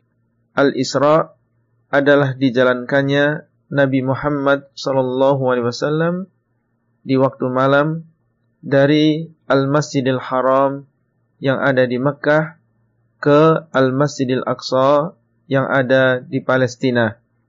Allah Subhanahu wa taala berfirman, Subhanalladzi asra bi'abdihi lailan minal masjidil harami ilal masjidil aqsa alladzi barakna haulahu linuriyahu min ayatina innahu huwas sami'ul basir. Maha suci zat yang telah menjalankan hambanya di malam hari dari Al-Masjidil Haram ke Al-Masjidil Aqsa yang kami berkahi sekitarnya untuk kami tunjukkan kepadanya sebagian dari ayat-ayat kami. Sesungguhnya dia maha mendengar lagi maha melihat. Surat Al-Isra ayat yang pertama. Adapun Al-Mi'raj maka yang dimaksud adalah diangkatnya Nabi Muhammad sallallahu alaihi wasallam ke langit kemudian ke Sidratul Muntaha. Nabi sallallahu alaihi wasallam bersabda, "Fa'araja bi ila sama'id dunya."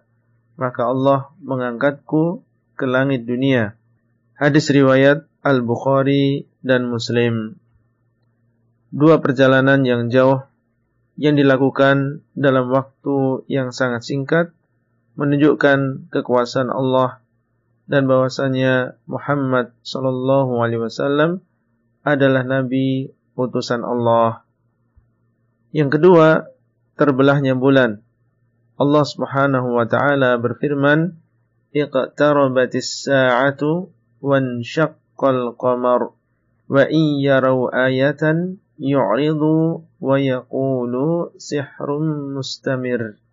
Telah dekat kiamat dan bulan telah terbelah dan apabila mereka melihat satu ayat mereka berpaling dan mengatakan ini adalah sihir yang terus-menerus.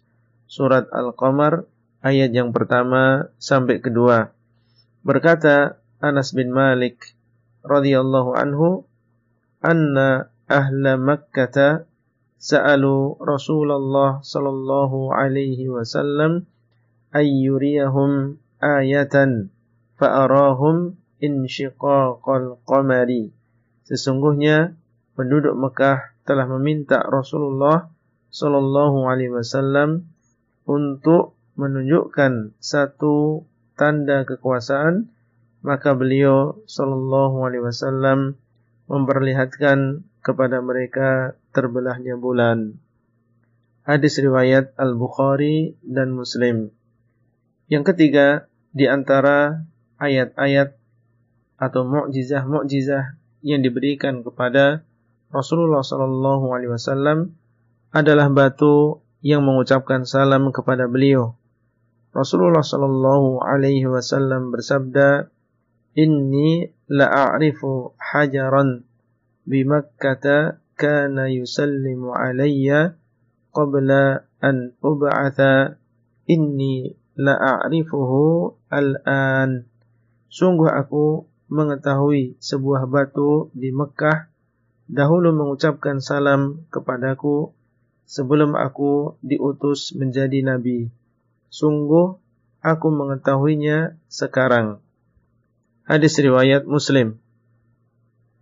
Yang keempat, kabar beliau tentang mati syahidnya Umar ibn Khattab dan Uthman ibn Affan, semoga Allah meridai keduanya, berkata Anas bin Malik radhiyallahu anhu, "Sa'idan Nabiyyu sallallahu alaihi wasallam ila Uhudin wa ma'ahu Abu Bakrin wa Umaru wa Uthmanu farajafa bihim فضربه برجله قال qala usbut فما عليك alaika نبي nabiyyun صديق siddiqun شهيدان.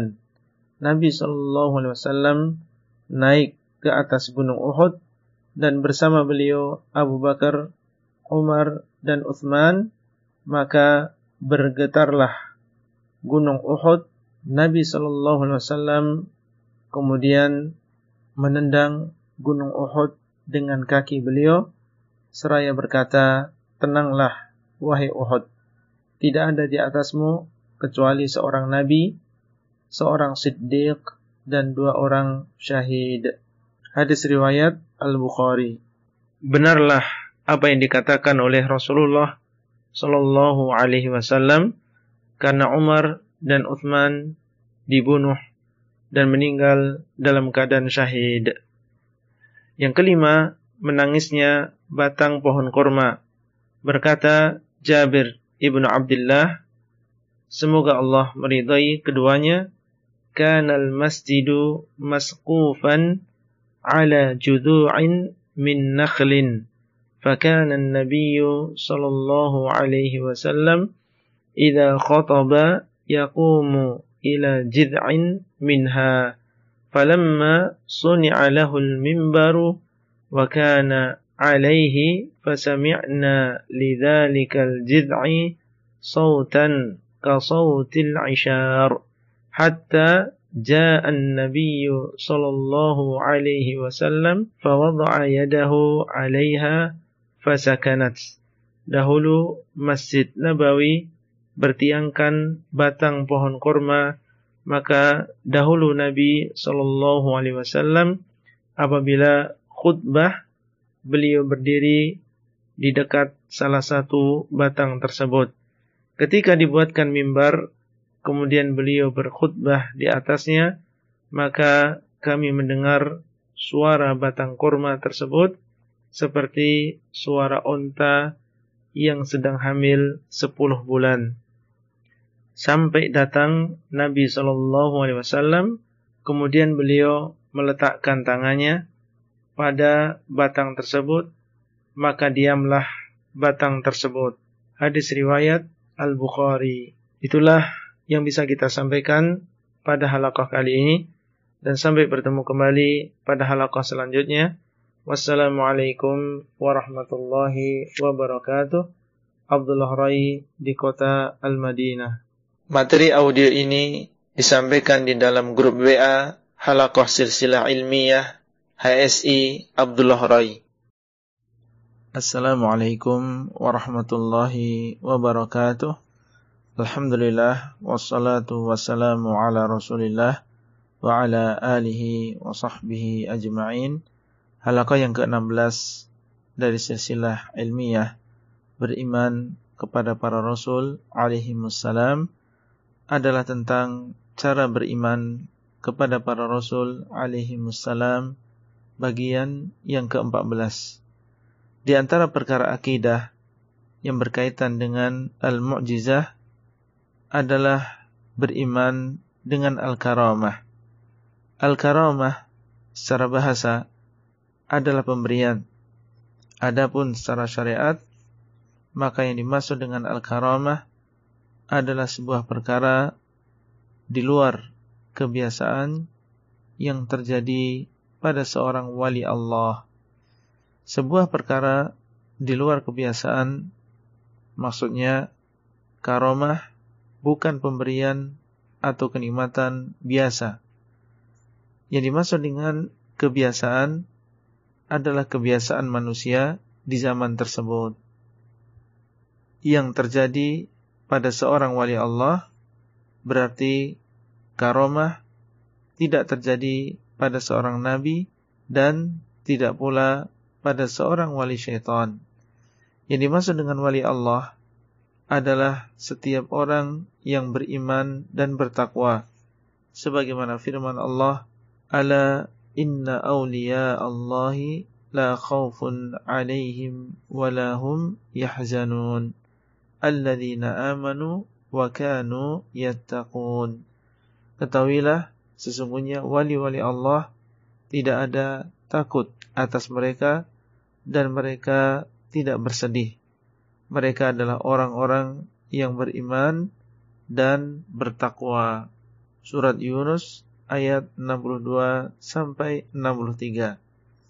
Iman dan takwa tidak akan terwujud kecuali dengan menjalankan perintah Allah dan menjauhi larangannya.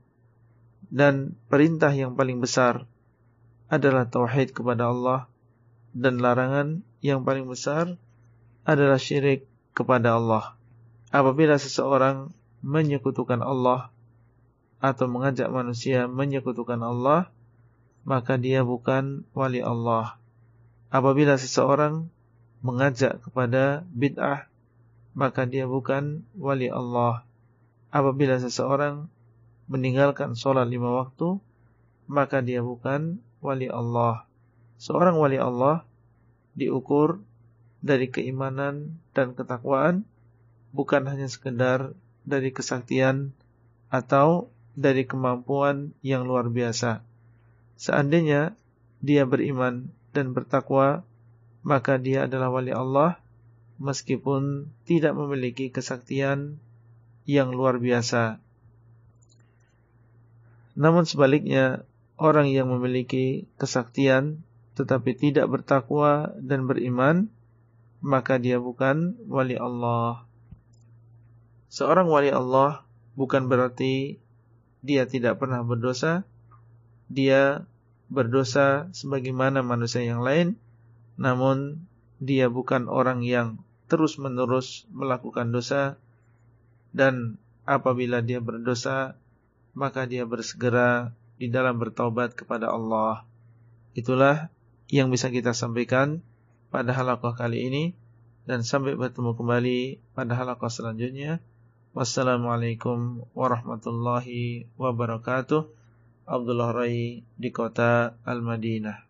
Materi audio ini disampaikan di dalam grup WA Halakoh Silsilah Ilmiah HSI Abdullah Rai.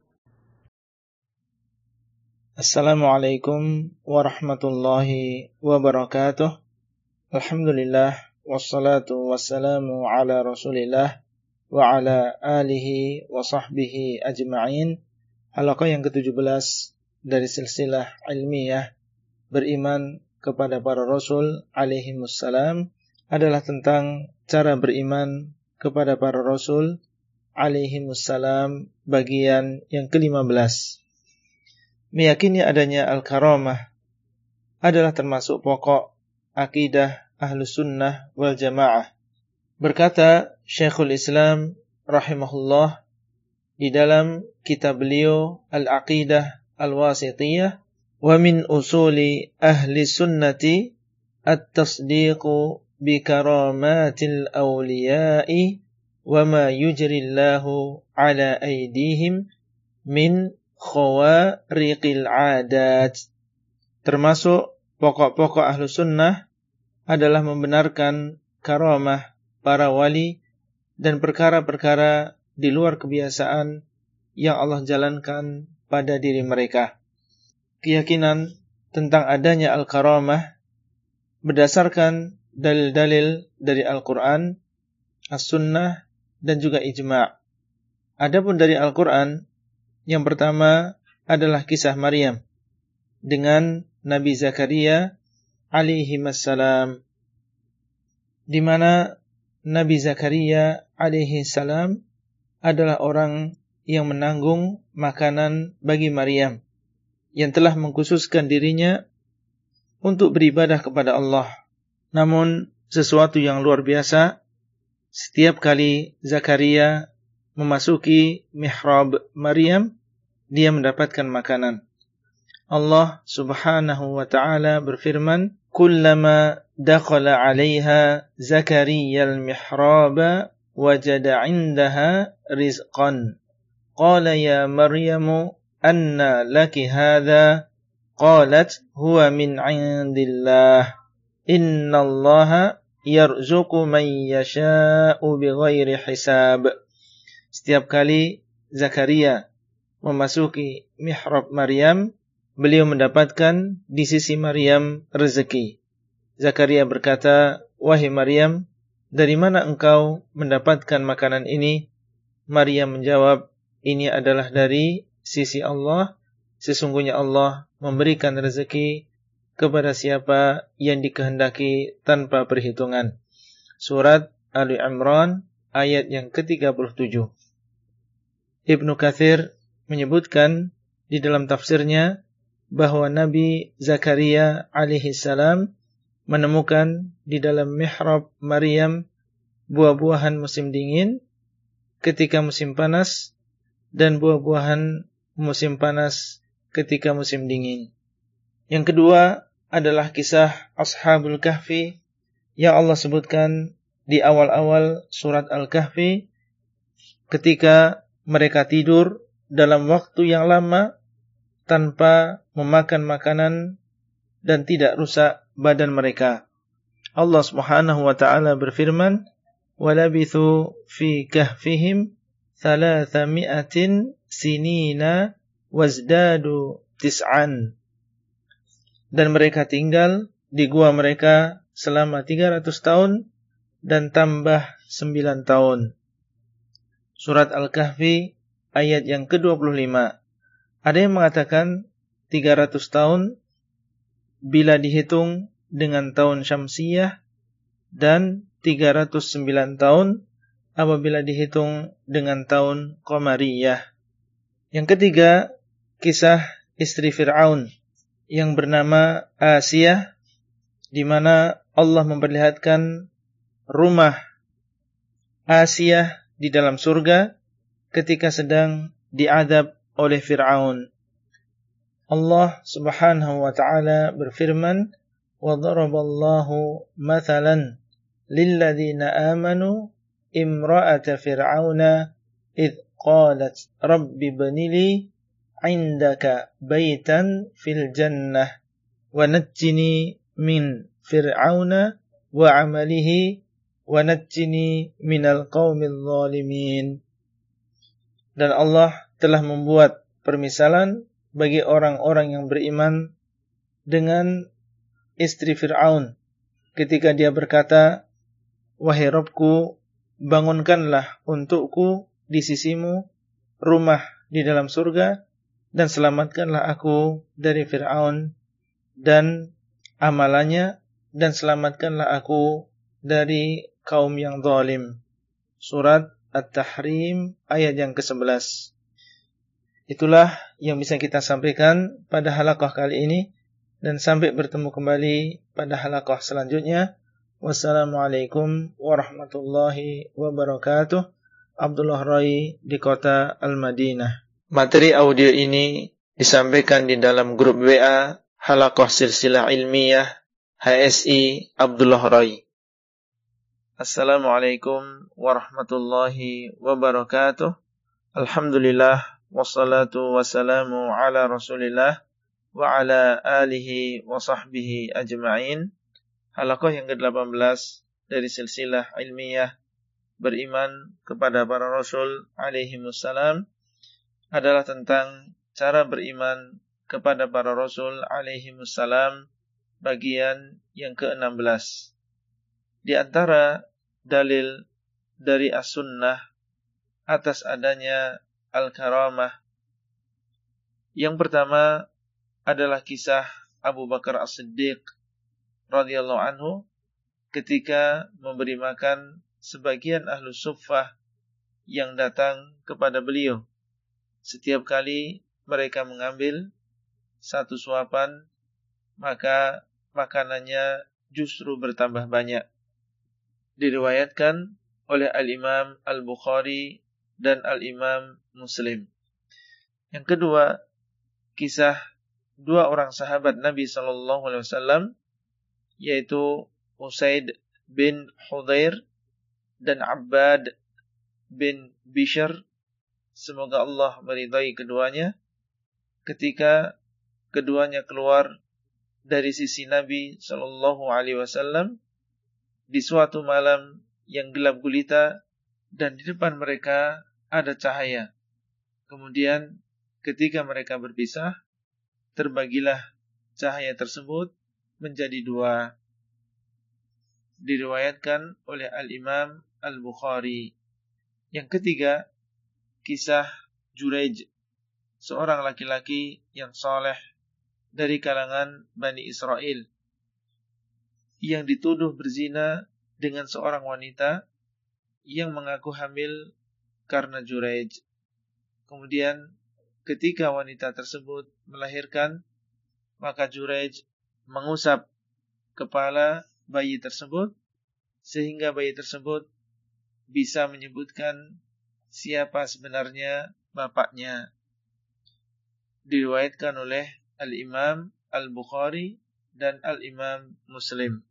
Kemudian di sana ada beberapa keterangan yang berkaitan dengan al-karamah. Yang pertama, al-karamah yang paling agung bagi seorang hamba adalah istiqomahnya dia di atas jalan yang lurus.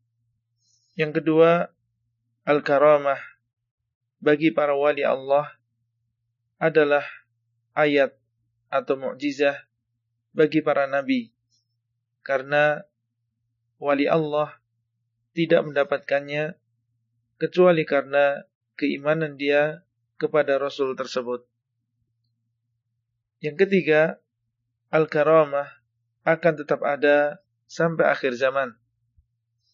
Yang keempat, al-karamah tidak dijadikan ukuran seseorang lebih afdal daripada orang yang tidak mendapatkan al-karamah.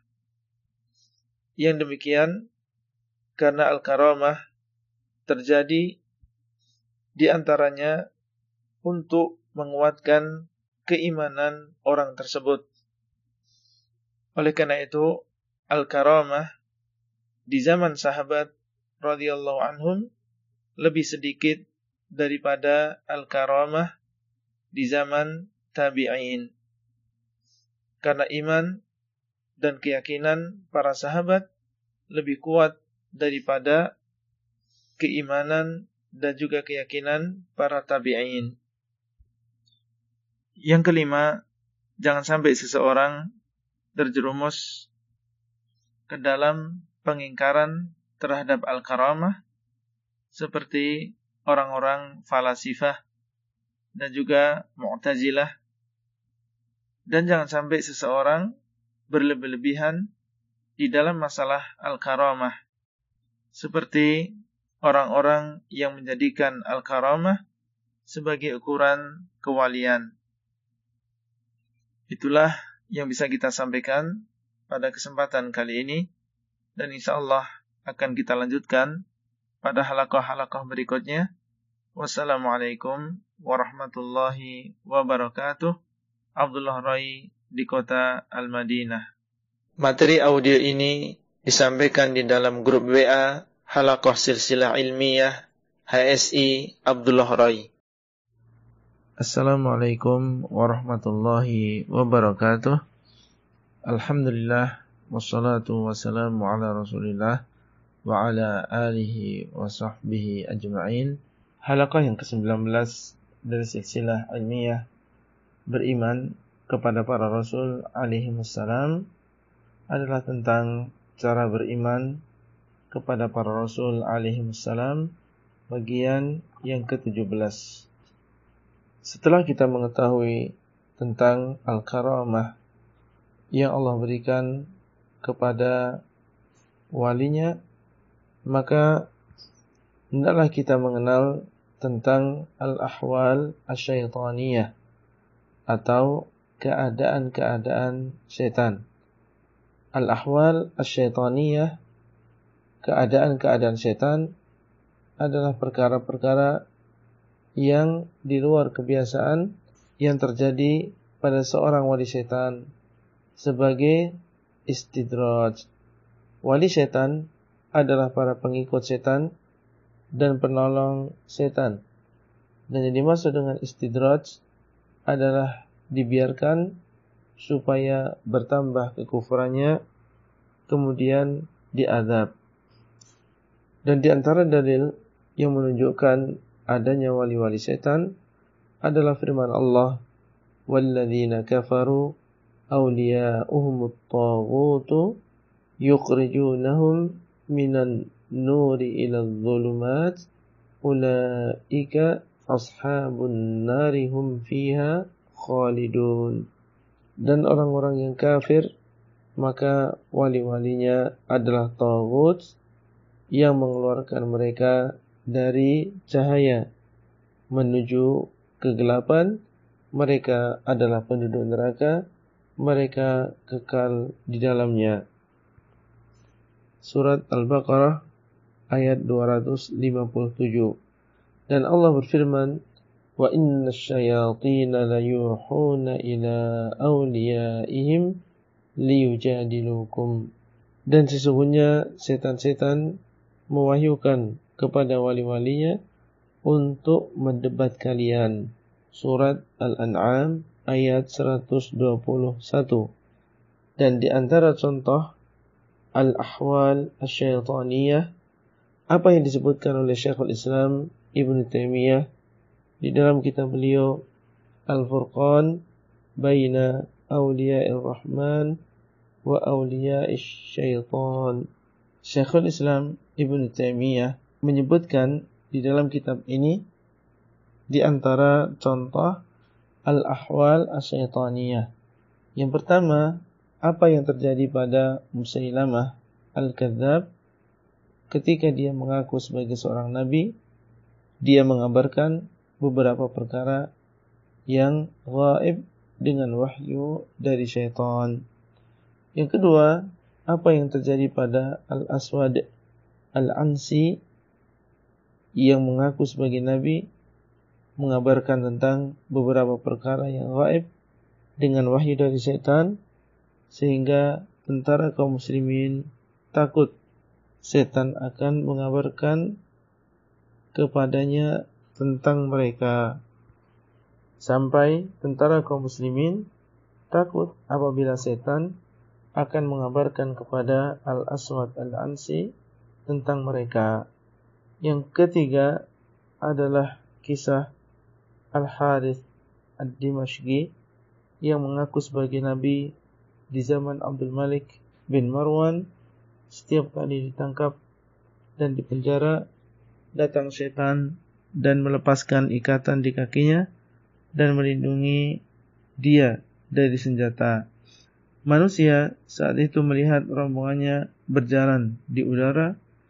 Ketika dia tertangkap, ada orang yang menikamnya dengan tombak namun tidak mempan. Maka berkata Abdul Malik, engkau tidak menyebut nama Allah. Kemudian ketika dia menyebut nama Allah dan menikamnya, mempanlah tombaknya dan meninggallah Al-Harith. Itulah yang bisa kita sampaikan pada halaqah kali ini dan sampai bertemu kembali pada halaqah selanjutnya. Wassalamualaikum warahmatullahi wabarakatuh. Abdullah Rai di kota Al-Madinah. Materi audio ini disampaikan di dalam grup WA Halaqah Silsilah Ilmiah HSI Abdullah Rai. Assalamualaikum warahmatullahi wabarakatuh.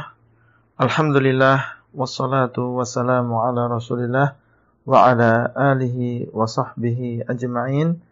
Halaqah yang ke-20 dari silsilah ilmiah beriman kepada para rasul alaihi wassalam adalah tentang cara beriman kepada para rasul alaihi wassalam bagian yang ke-18. Di sana ada perbedaan antara al-mu'jizah dengan al-karamah. Yang pertama, al-mu'jizah disertai dengan pengakuan sebagai seorang nabi. Sedangkan al-karamah tidak disertai pengakuan sebagai seorang nabi. Tetapi terjadi al-karamah dengan sebab dia mengikuti dan beriman dengan nabi dan istiqomah di atasnya. Yang kedua, Al-mu'jizah terjadi pada seorang nabi. Dan nabi adalah manusia laki-laki yang merdeka. Sedangkan al-karamah bisa terjadi pada seorang jin atau manusia, hamba, sahaya, atau orang yang merdeka, seorang laki-laki ataupun perempuan. Kalau mereka adalah orang-orang yang soleh, seperti yang terjadi pada Maryam dan juga Safinah Maula Rasulullah sallallahu alaihi wasallam. Yang ketiga, al-mu'jizah, sesuatu yang luar biasa di semua tempat dan masa. Sedangkan al-karamah adalah sesuatu yang luar biasa, sedangkan al-karamah adalah sesuatu yang luar biasa menurut tempat dan masa tertentu saja. Oleh karena itu, apa yang terjadi pada Maryam alaihissalam berupa ditemukannya makanan musim panas di musim dingin dan sebaliknya adalah sesuatu yang biasa di zaman sekarang. Yang keempat, di dalam Al-Mu'jizah, seorang nabi diperintahkan untuk menampakkannya. Sedangkan Al-Karamah, maka seorang wali diperintahkan untuk menyembunyikannya. Dan yang kelima, manfaat Al-Mu'jizah adalah untuk umum. Sedangkan manfaat Al-Karamah biasanya untuk khusus orang tersebut. Itulah yang bisa kita sampaikan pada halakoh kali ini dan sampai bertemu kembali pada halakoh selanjutnya. Wassalamualaikum warahmatullahi wabarakatuh. Abdullah Rai di kota Al-Madinah. Materi audio ini disampaikan di dalam grup WA Halakoh Silsilah Ilmiah HSI Abdullah Rai. Assalamualaikum warahmatullahi wabarakatuh. Alhamdulillah wassalatu wassalamu ala Rasulillah wa ala alihi wa sahbihi ajma'in. Halaqah yang ke-21 dari silsilah ilmiah beriman kepada para rasul alaihi wassalam adalah tentang cara beriman kepada para rasul alaihi wassalam bagian yang ke-19. Di antara hal yang perlu diketahui oleh seorang muslim adalah perbedaan antara al-karamah dan al-ahwal asyaitaniyah. Karena sering terjadi seseorang menganggap al-ahwal asyaitaniyah sebagai al-karamah. Menganggap seorang wali syaitan sebagai wali Allah. Berikut adalah perbedaan antara al-karamah dan al-ahwal asyaitaniyah. Semoga Allah subhanahu wa ta'ala memberikan taufik kepada kita semua dan menerangi diri kita dengan ilmu agama.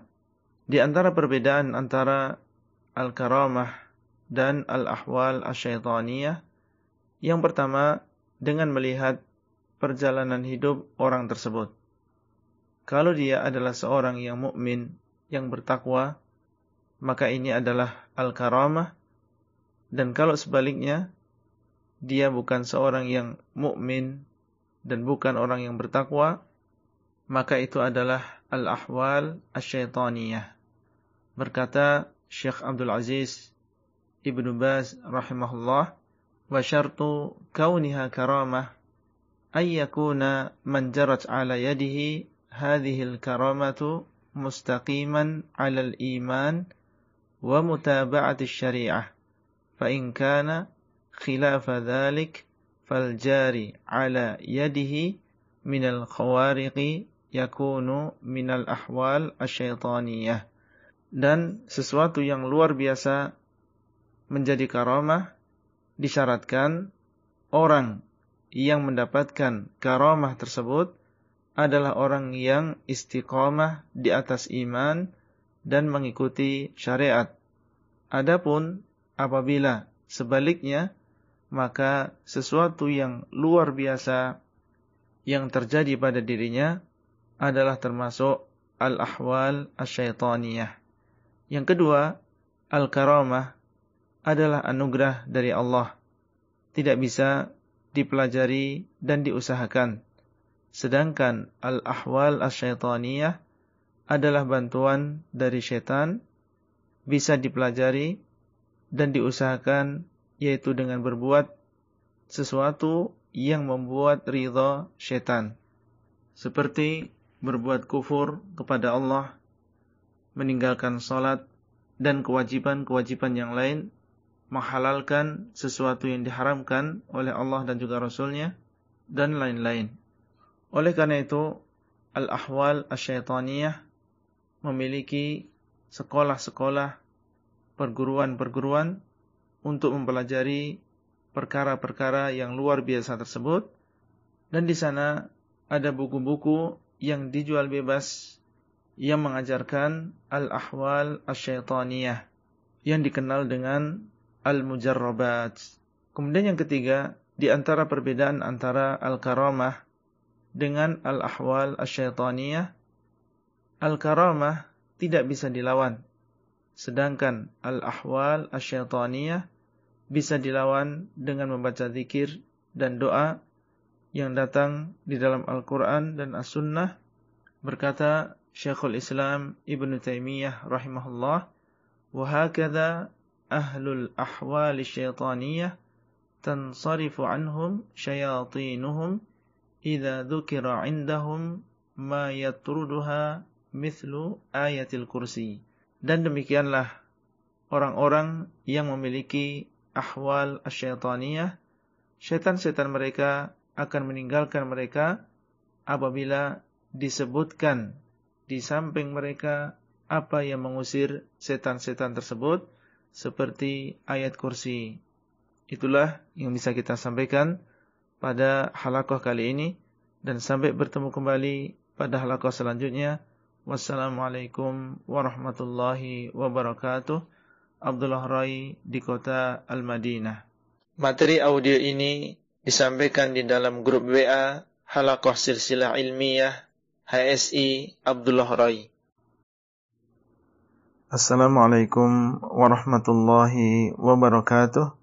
Alhamdulillah wassalatu wassalamu ala Rasulillah wa ala alihi wa sahbihi ajma'in.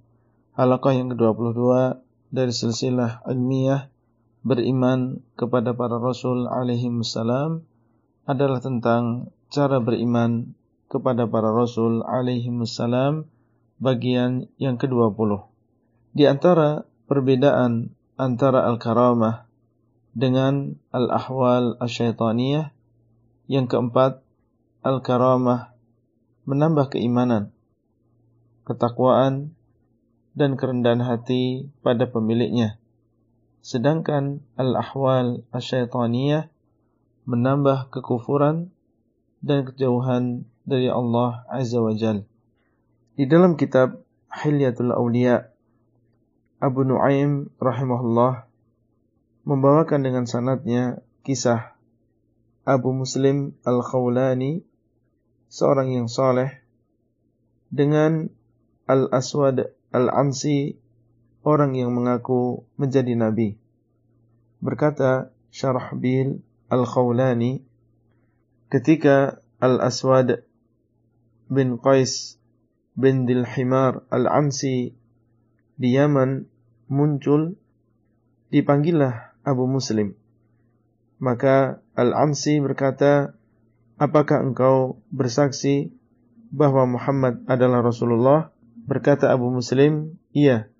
Kembali Al-Amsi bertanya, Apakah engkau bersaksi bahwa aku adalah Rasulullah?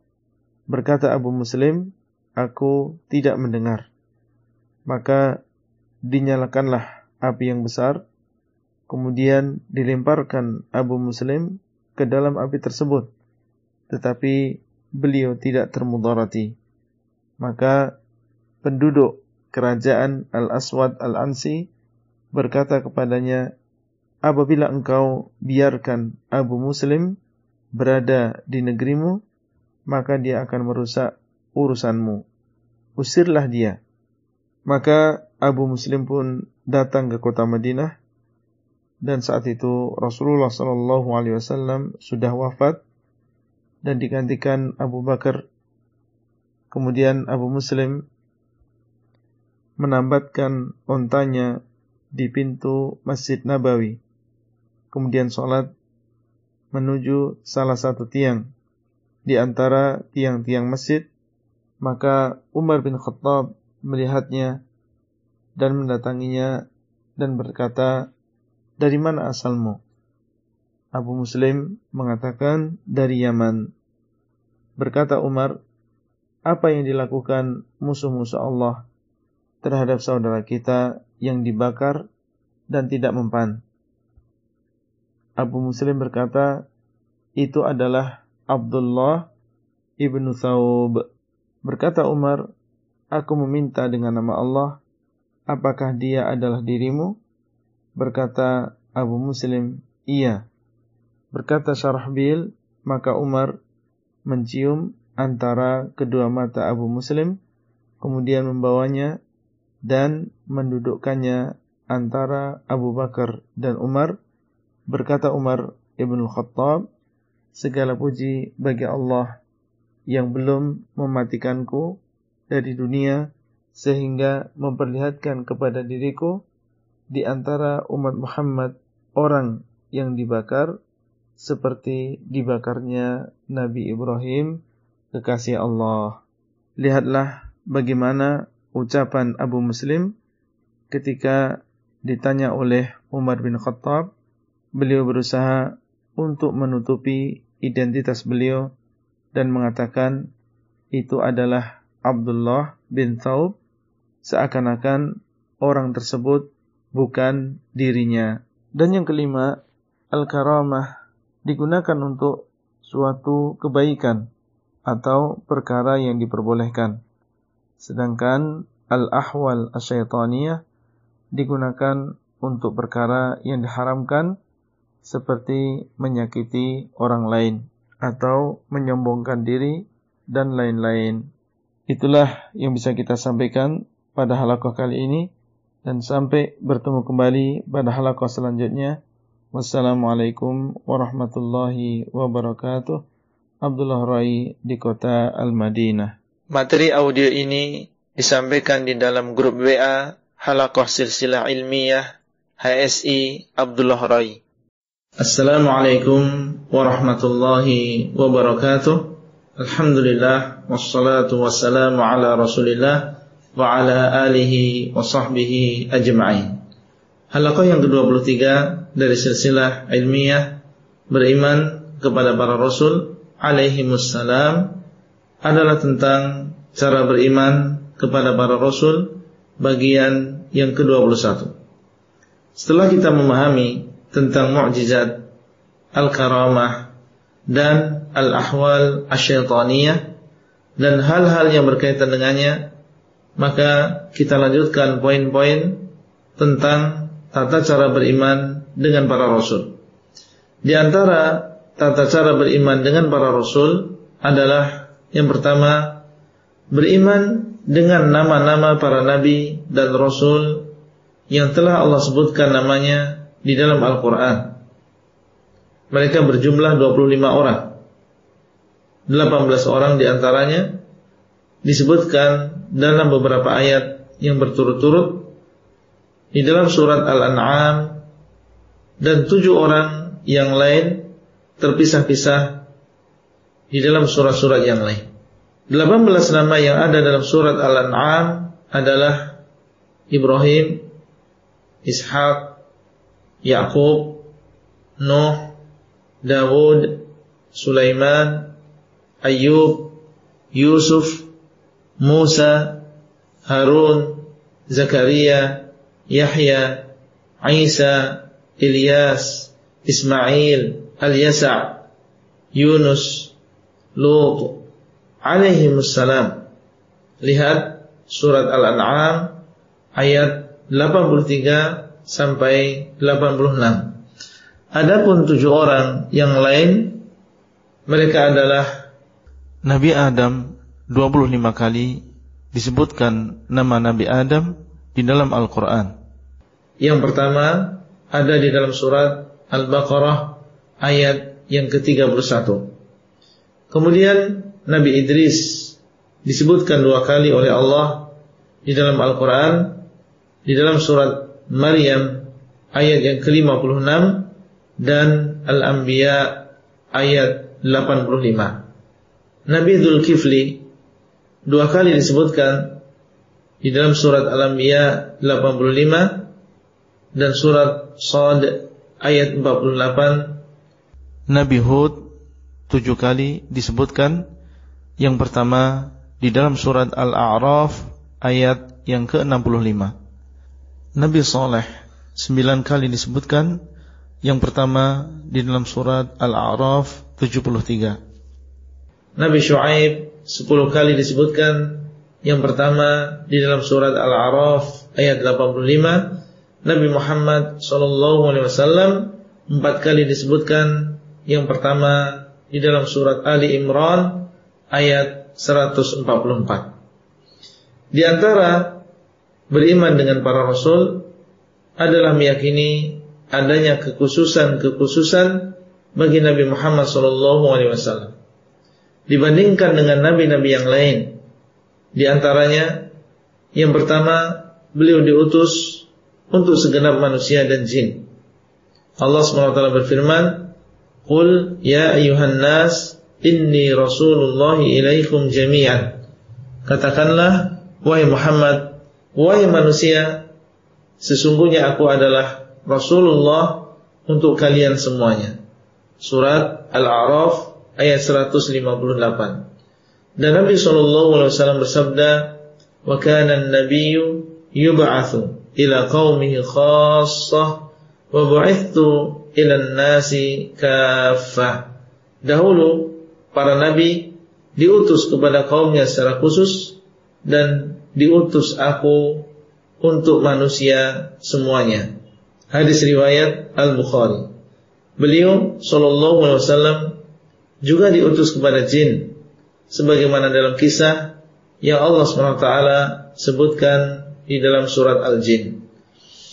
Di antara kekhususan beliau, Allah telah menjadikan beliau sebagai nabi yang terakhir. Allah SWT berfirman, "Maka Muhammadun aba ahadin min rijalikum walakin Rasulullah wa khataman nabiyyin." Bukanlah Muhammad bapak salah seorang di antara laki-laki kalian akan tetapi dia adalah Rasulullah dan penutup para nabi. Al-Ahzab ayat yang ke-40. Rasulullah sallallahu alaihi wasallam bersabda, "Kanat Banu Israel tasusuhumul anbiya kullama halaka nabiyyun khalafahu nabiyyun wa innahu la nabiyya ba'di." Dahulu Banu Israel dipimpin oleh para nabi, setiap kali meninggal seorang nabi digantikan nabi yang lain dan sesungguhnya tidak ada nabi setelahku. Hadis riwayat Al-Bukhari dan Muslim. Itulah yang bisa kita sampaikan pada halaqah kali ini dan sampai bertemu kembali pada halaqah selanjutnya. Wassalamualaikum warahmatullahi wabarakatuh. Abdullah Rai di kota Jember. Materi audio ini disampaikan di dalam grup WA Halakoh Silsilah Ilmiah HSI Abdullah Rai. Assalamualaikum warahmatullahi wabarakatuh. Alhamdulillah wassalatu wassalamu ala Rasulillah wa ala alihi wa sahbihi ajma'in. Halaqah yang ke-24 dari silsilah ilmiah beriman kepada para rasul alaihi wassalam adalah cara beriman kepada para rasul alaihi salam bagian yang ke-22. Di antara cara beriman kepada para rasul alaihi salam adalah mengetahui beberapa persamaan antara nabi dan rasul. Mereka semua adalah manusia, laki-laki dan merdeka.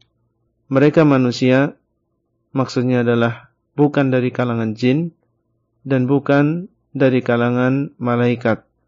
Allah Subhanahu wa taala berfirman, "Wa ma mana'an nasa ay yu'minu id ja'ahumul huda illa an qalu aba'athallahu basharan rasula." Dan tidaklah menghalangi manusia untuk beriman ketika datang kepada mereka petunjuk kecuali ucapan mereka, apakah Allah mengutus seorang manusia sebagai seorang rasul? Surat Al-Isra 94. Dan Allah mengatakan, "Wa wahabna lahu Ishaqa wa Yaqub wa ja'alna fi dhurriyyatihi an-nubuwata wal kitab." Dan kami telah memberikan Ishak dan juga Yakub kepada Ibrahim dan kami jadikan kenabian dan kitab di dalam keturunannya. Surat Al-Ankabut ayat yang ke-27.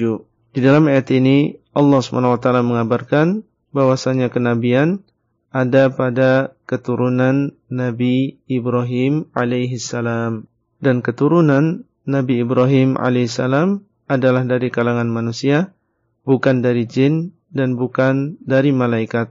Dan mereka, yaitu para nabi dan rasul, adalah dari kalangan laki-laki dan bukan dari kalangan wanita.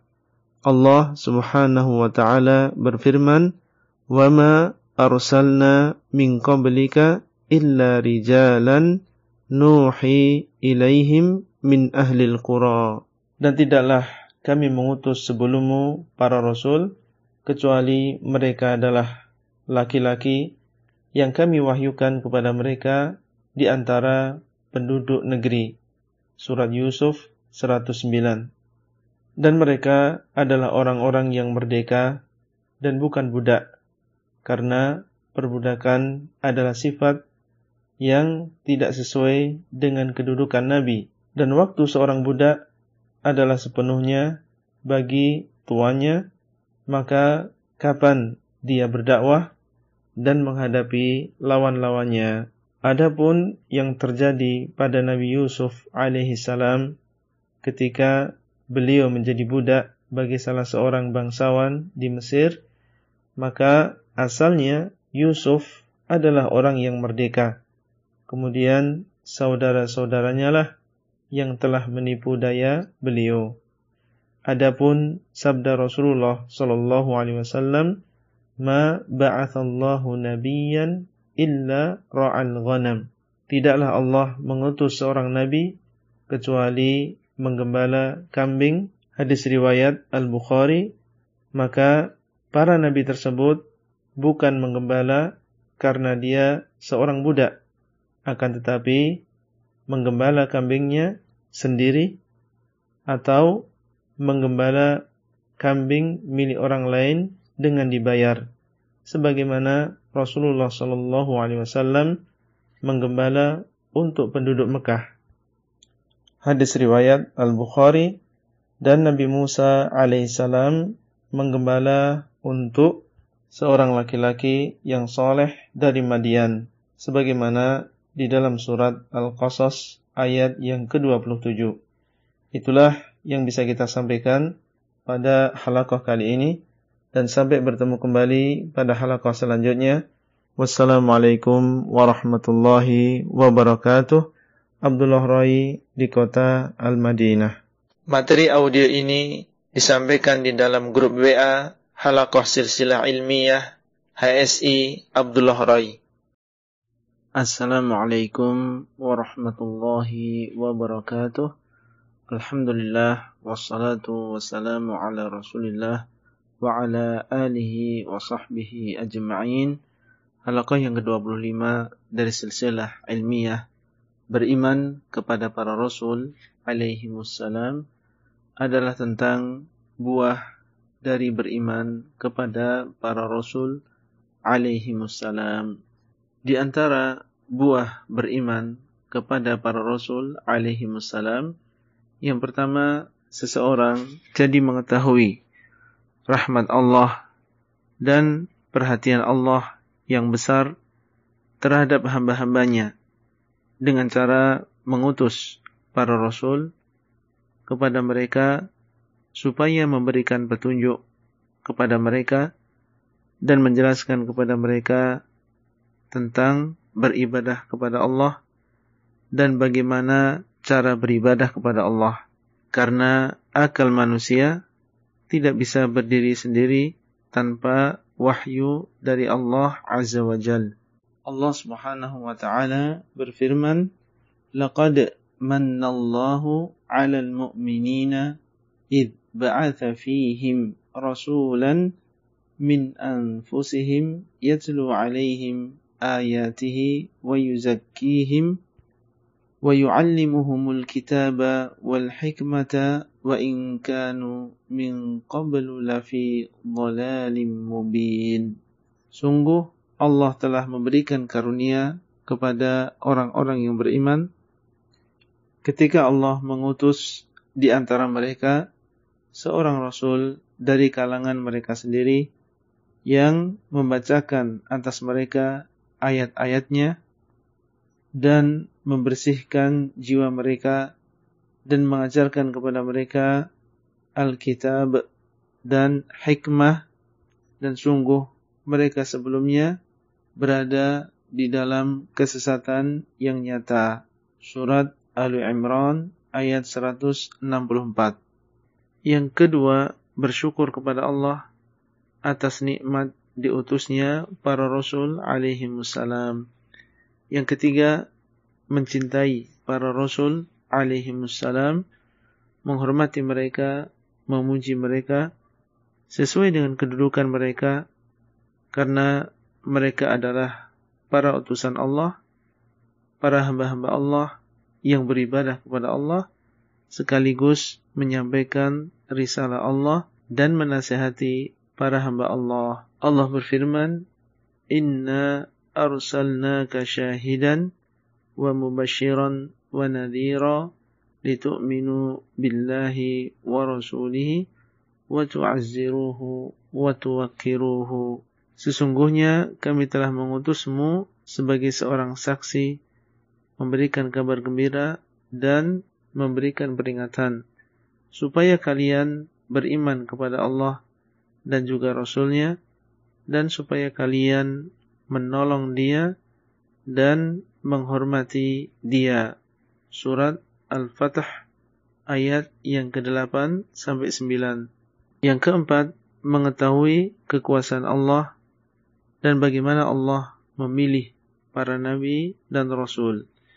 Yang kelima, mengetahui bahwa beriman dengan mereka adalah sebab kebahagiaan di dunia dan di akhirat. Yang keenam, mengetahui bahwa berpegang teguh dengan apa yang dibawa oleh para rasul alaihi adalah sebab diangkatnya derajat seseorang di sisi Allah dan sebab diampuni dosanya. Itulah yang bisa kita sampaikan pada halaqah yang terakhir dari silsilah beriman kepada para rasul alaihi wassalam. Kita berdoa kepada Allah Azza wa Jal. Semoga Allah Subhanahu wa taala menjadikan kita termasuk orang-orang yang beriman dan meninggal dunia di atas keimanan dan sampai bertemu kembali pada silsilah ilmiah berikutnya yaitu silsilah beriman dengan takdir. Wassalamualaikum warahmatullahi wabarakatuh. Abdullah Rai di kota Al-Madinah. Materi audio ini disampaikan di dalam grup WA Halakoh Silsilah Ilmiah HSI Abdullah Rai.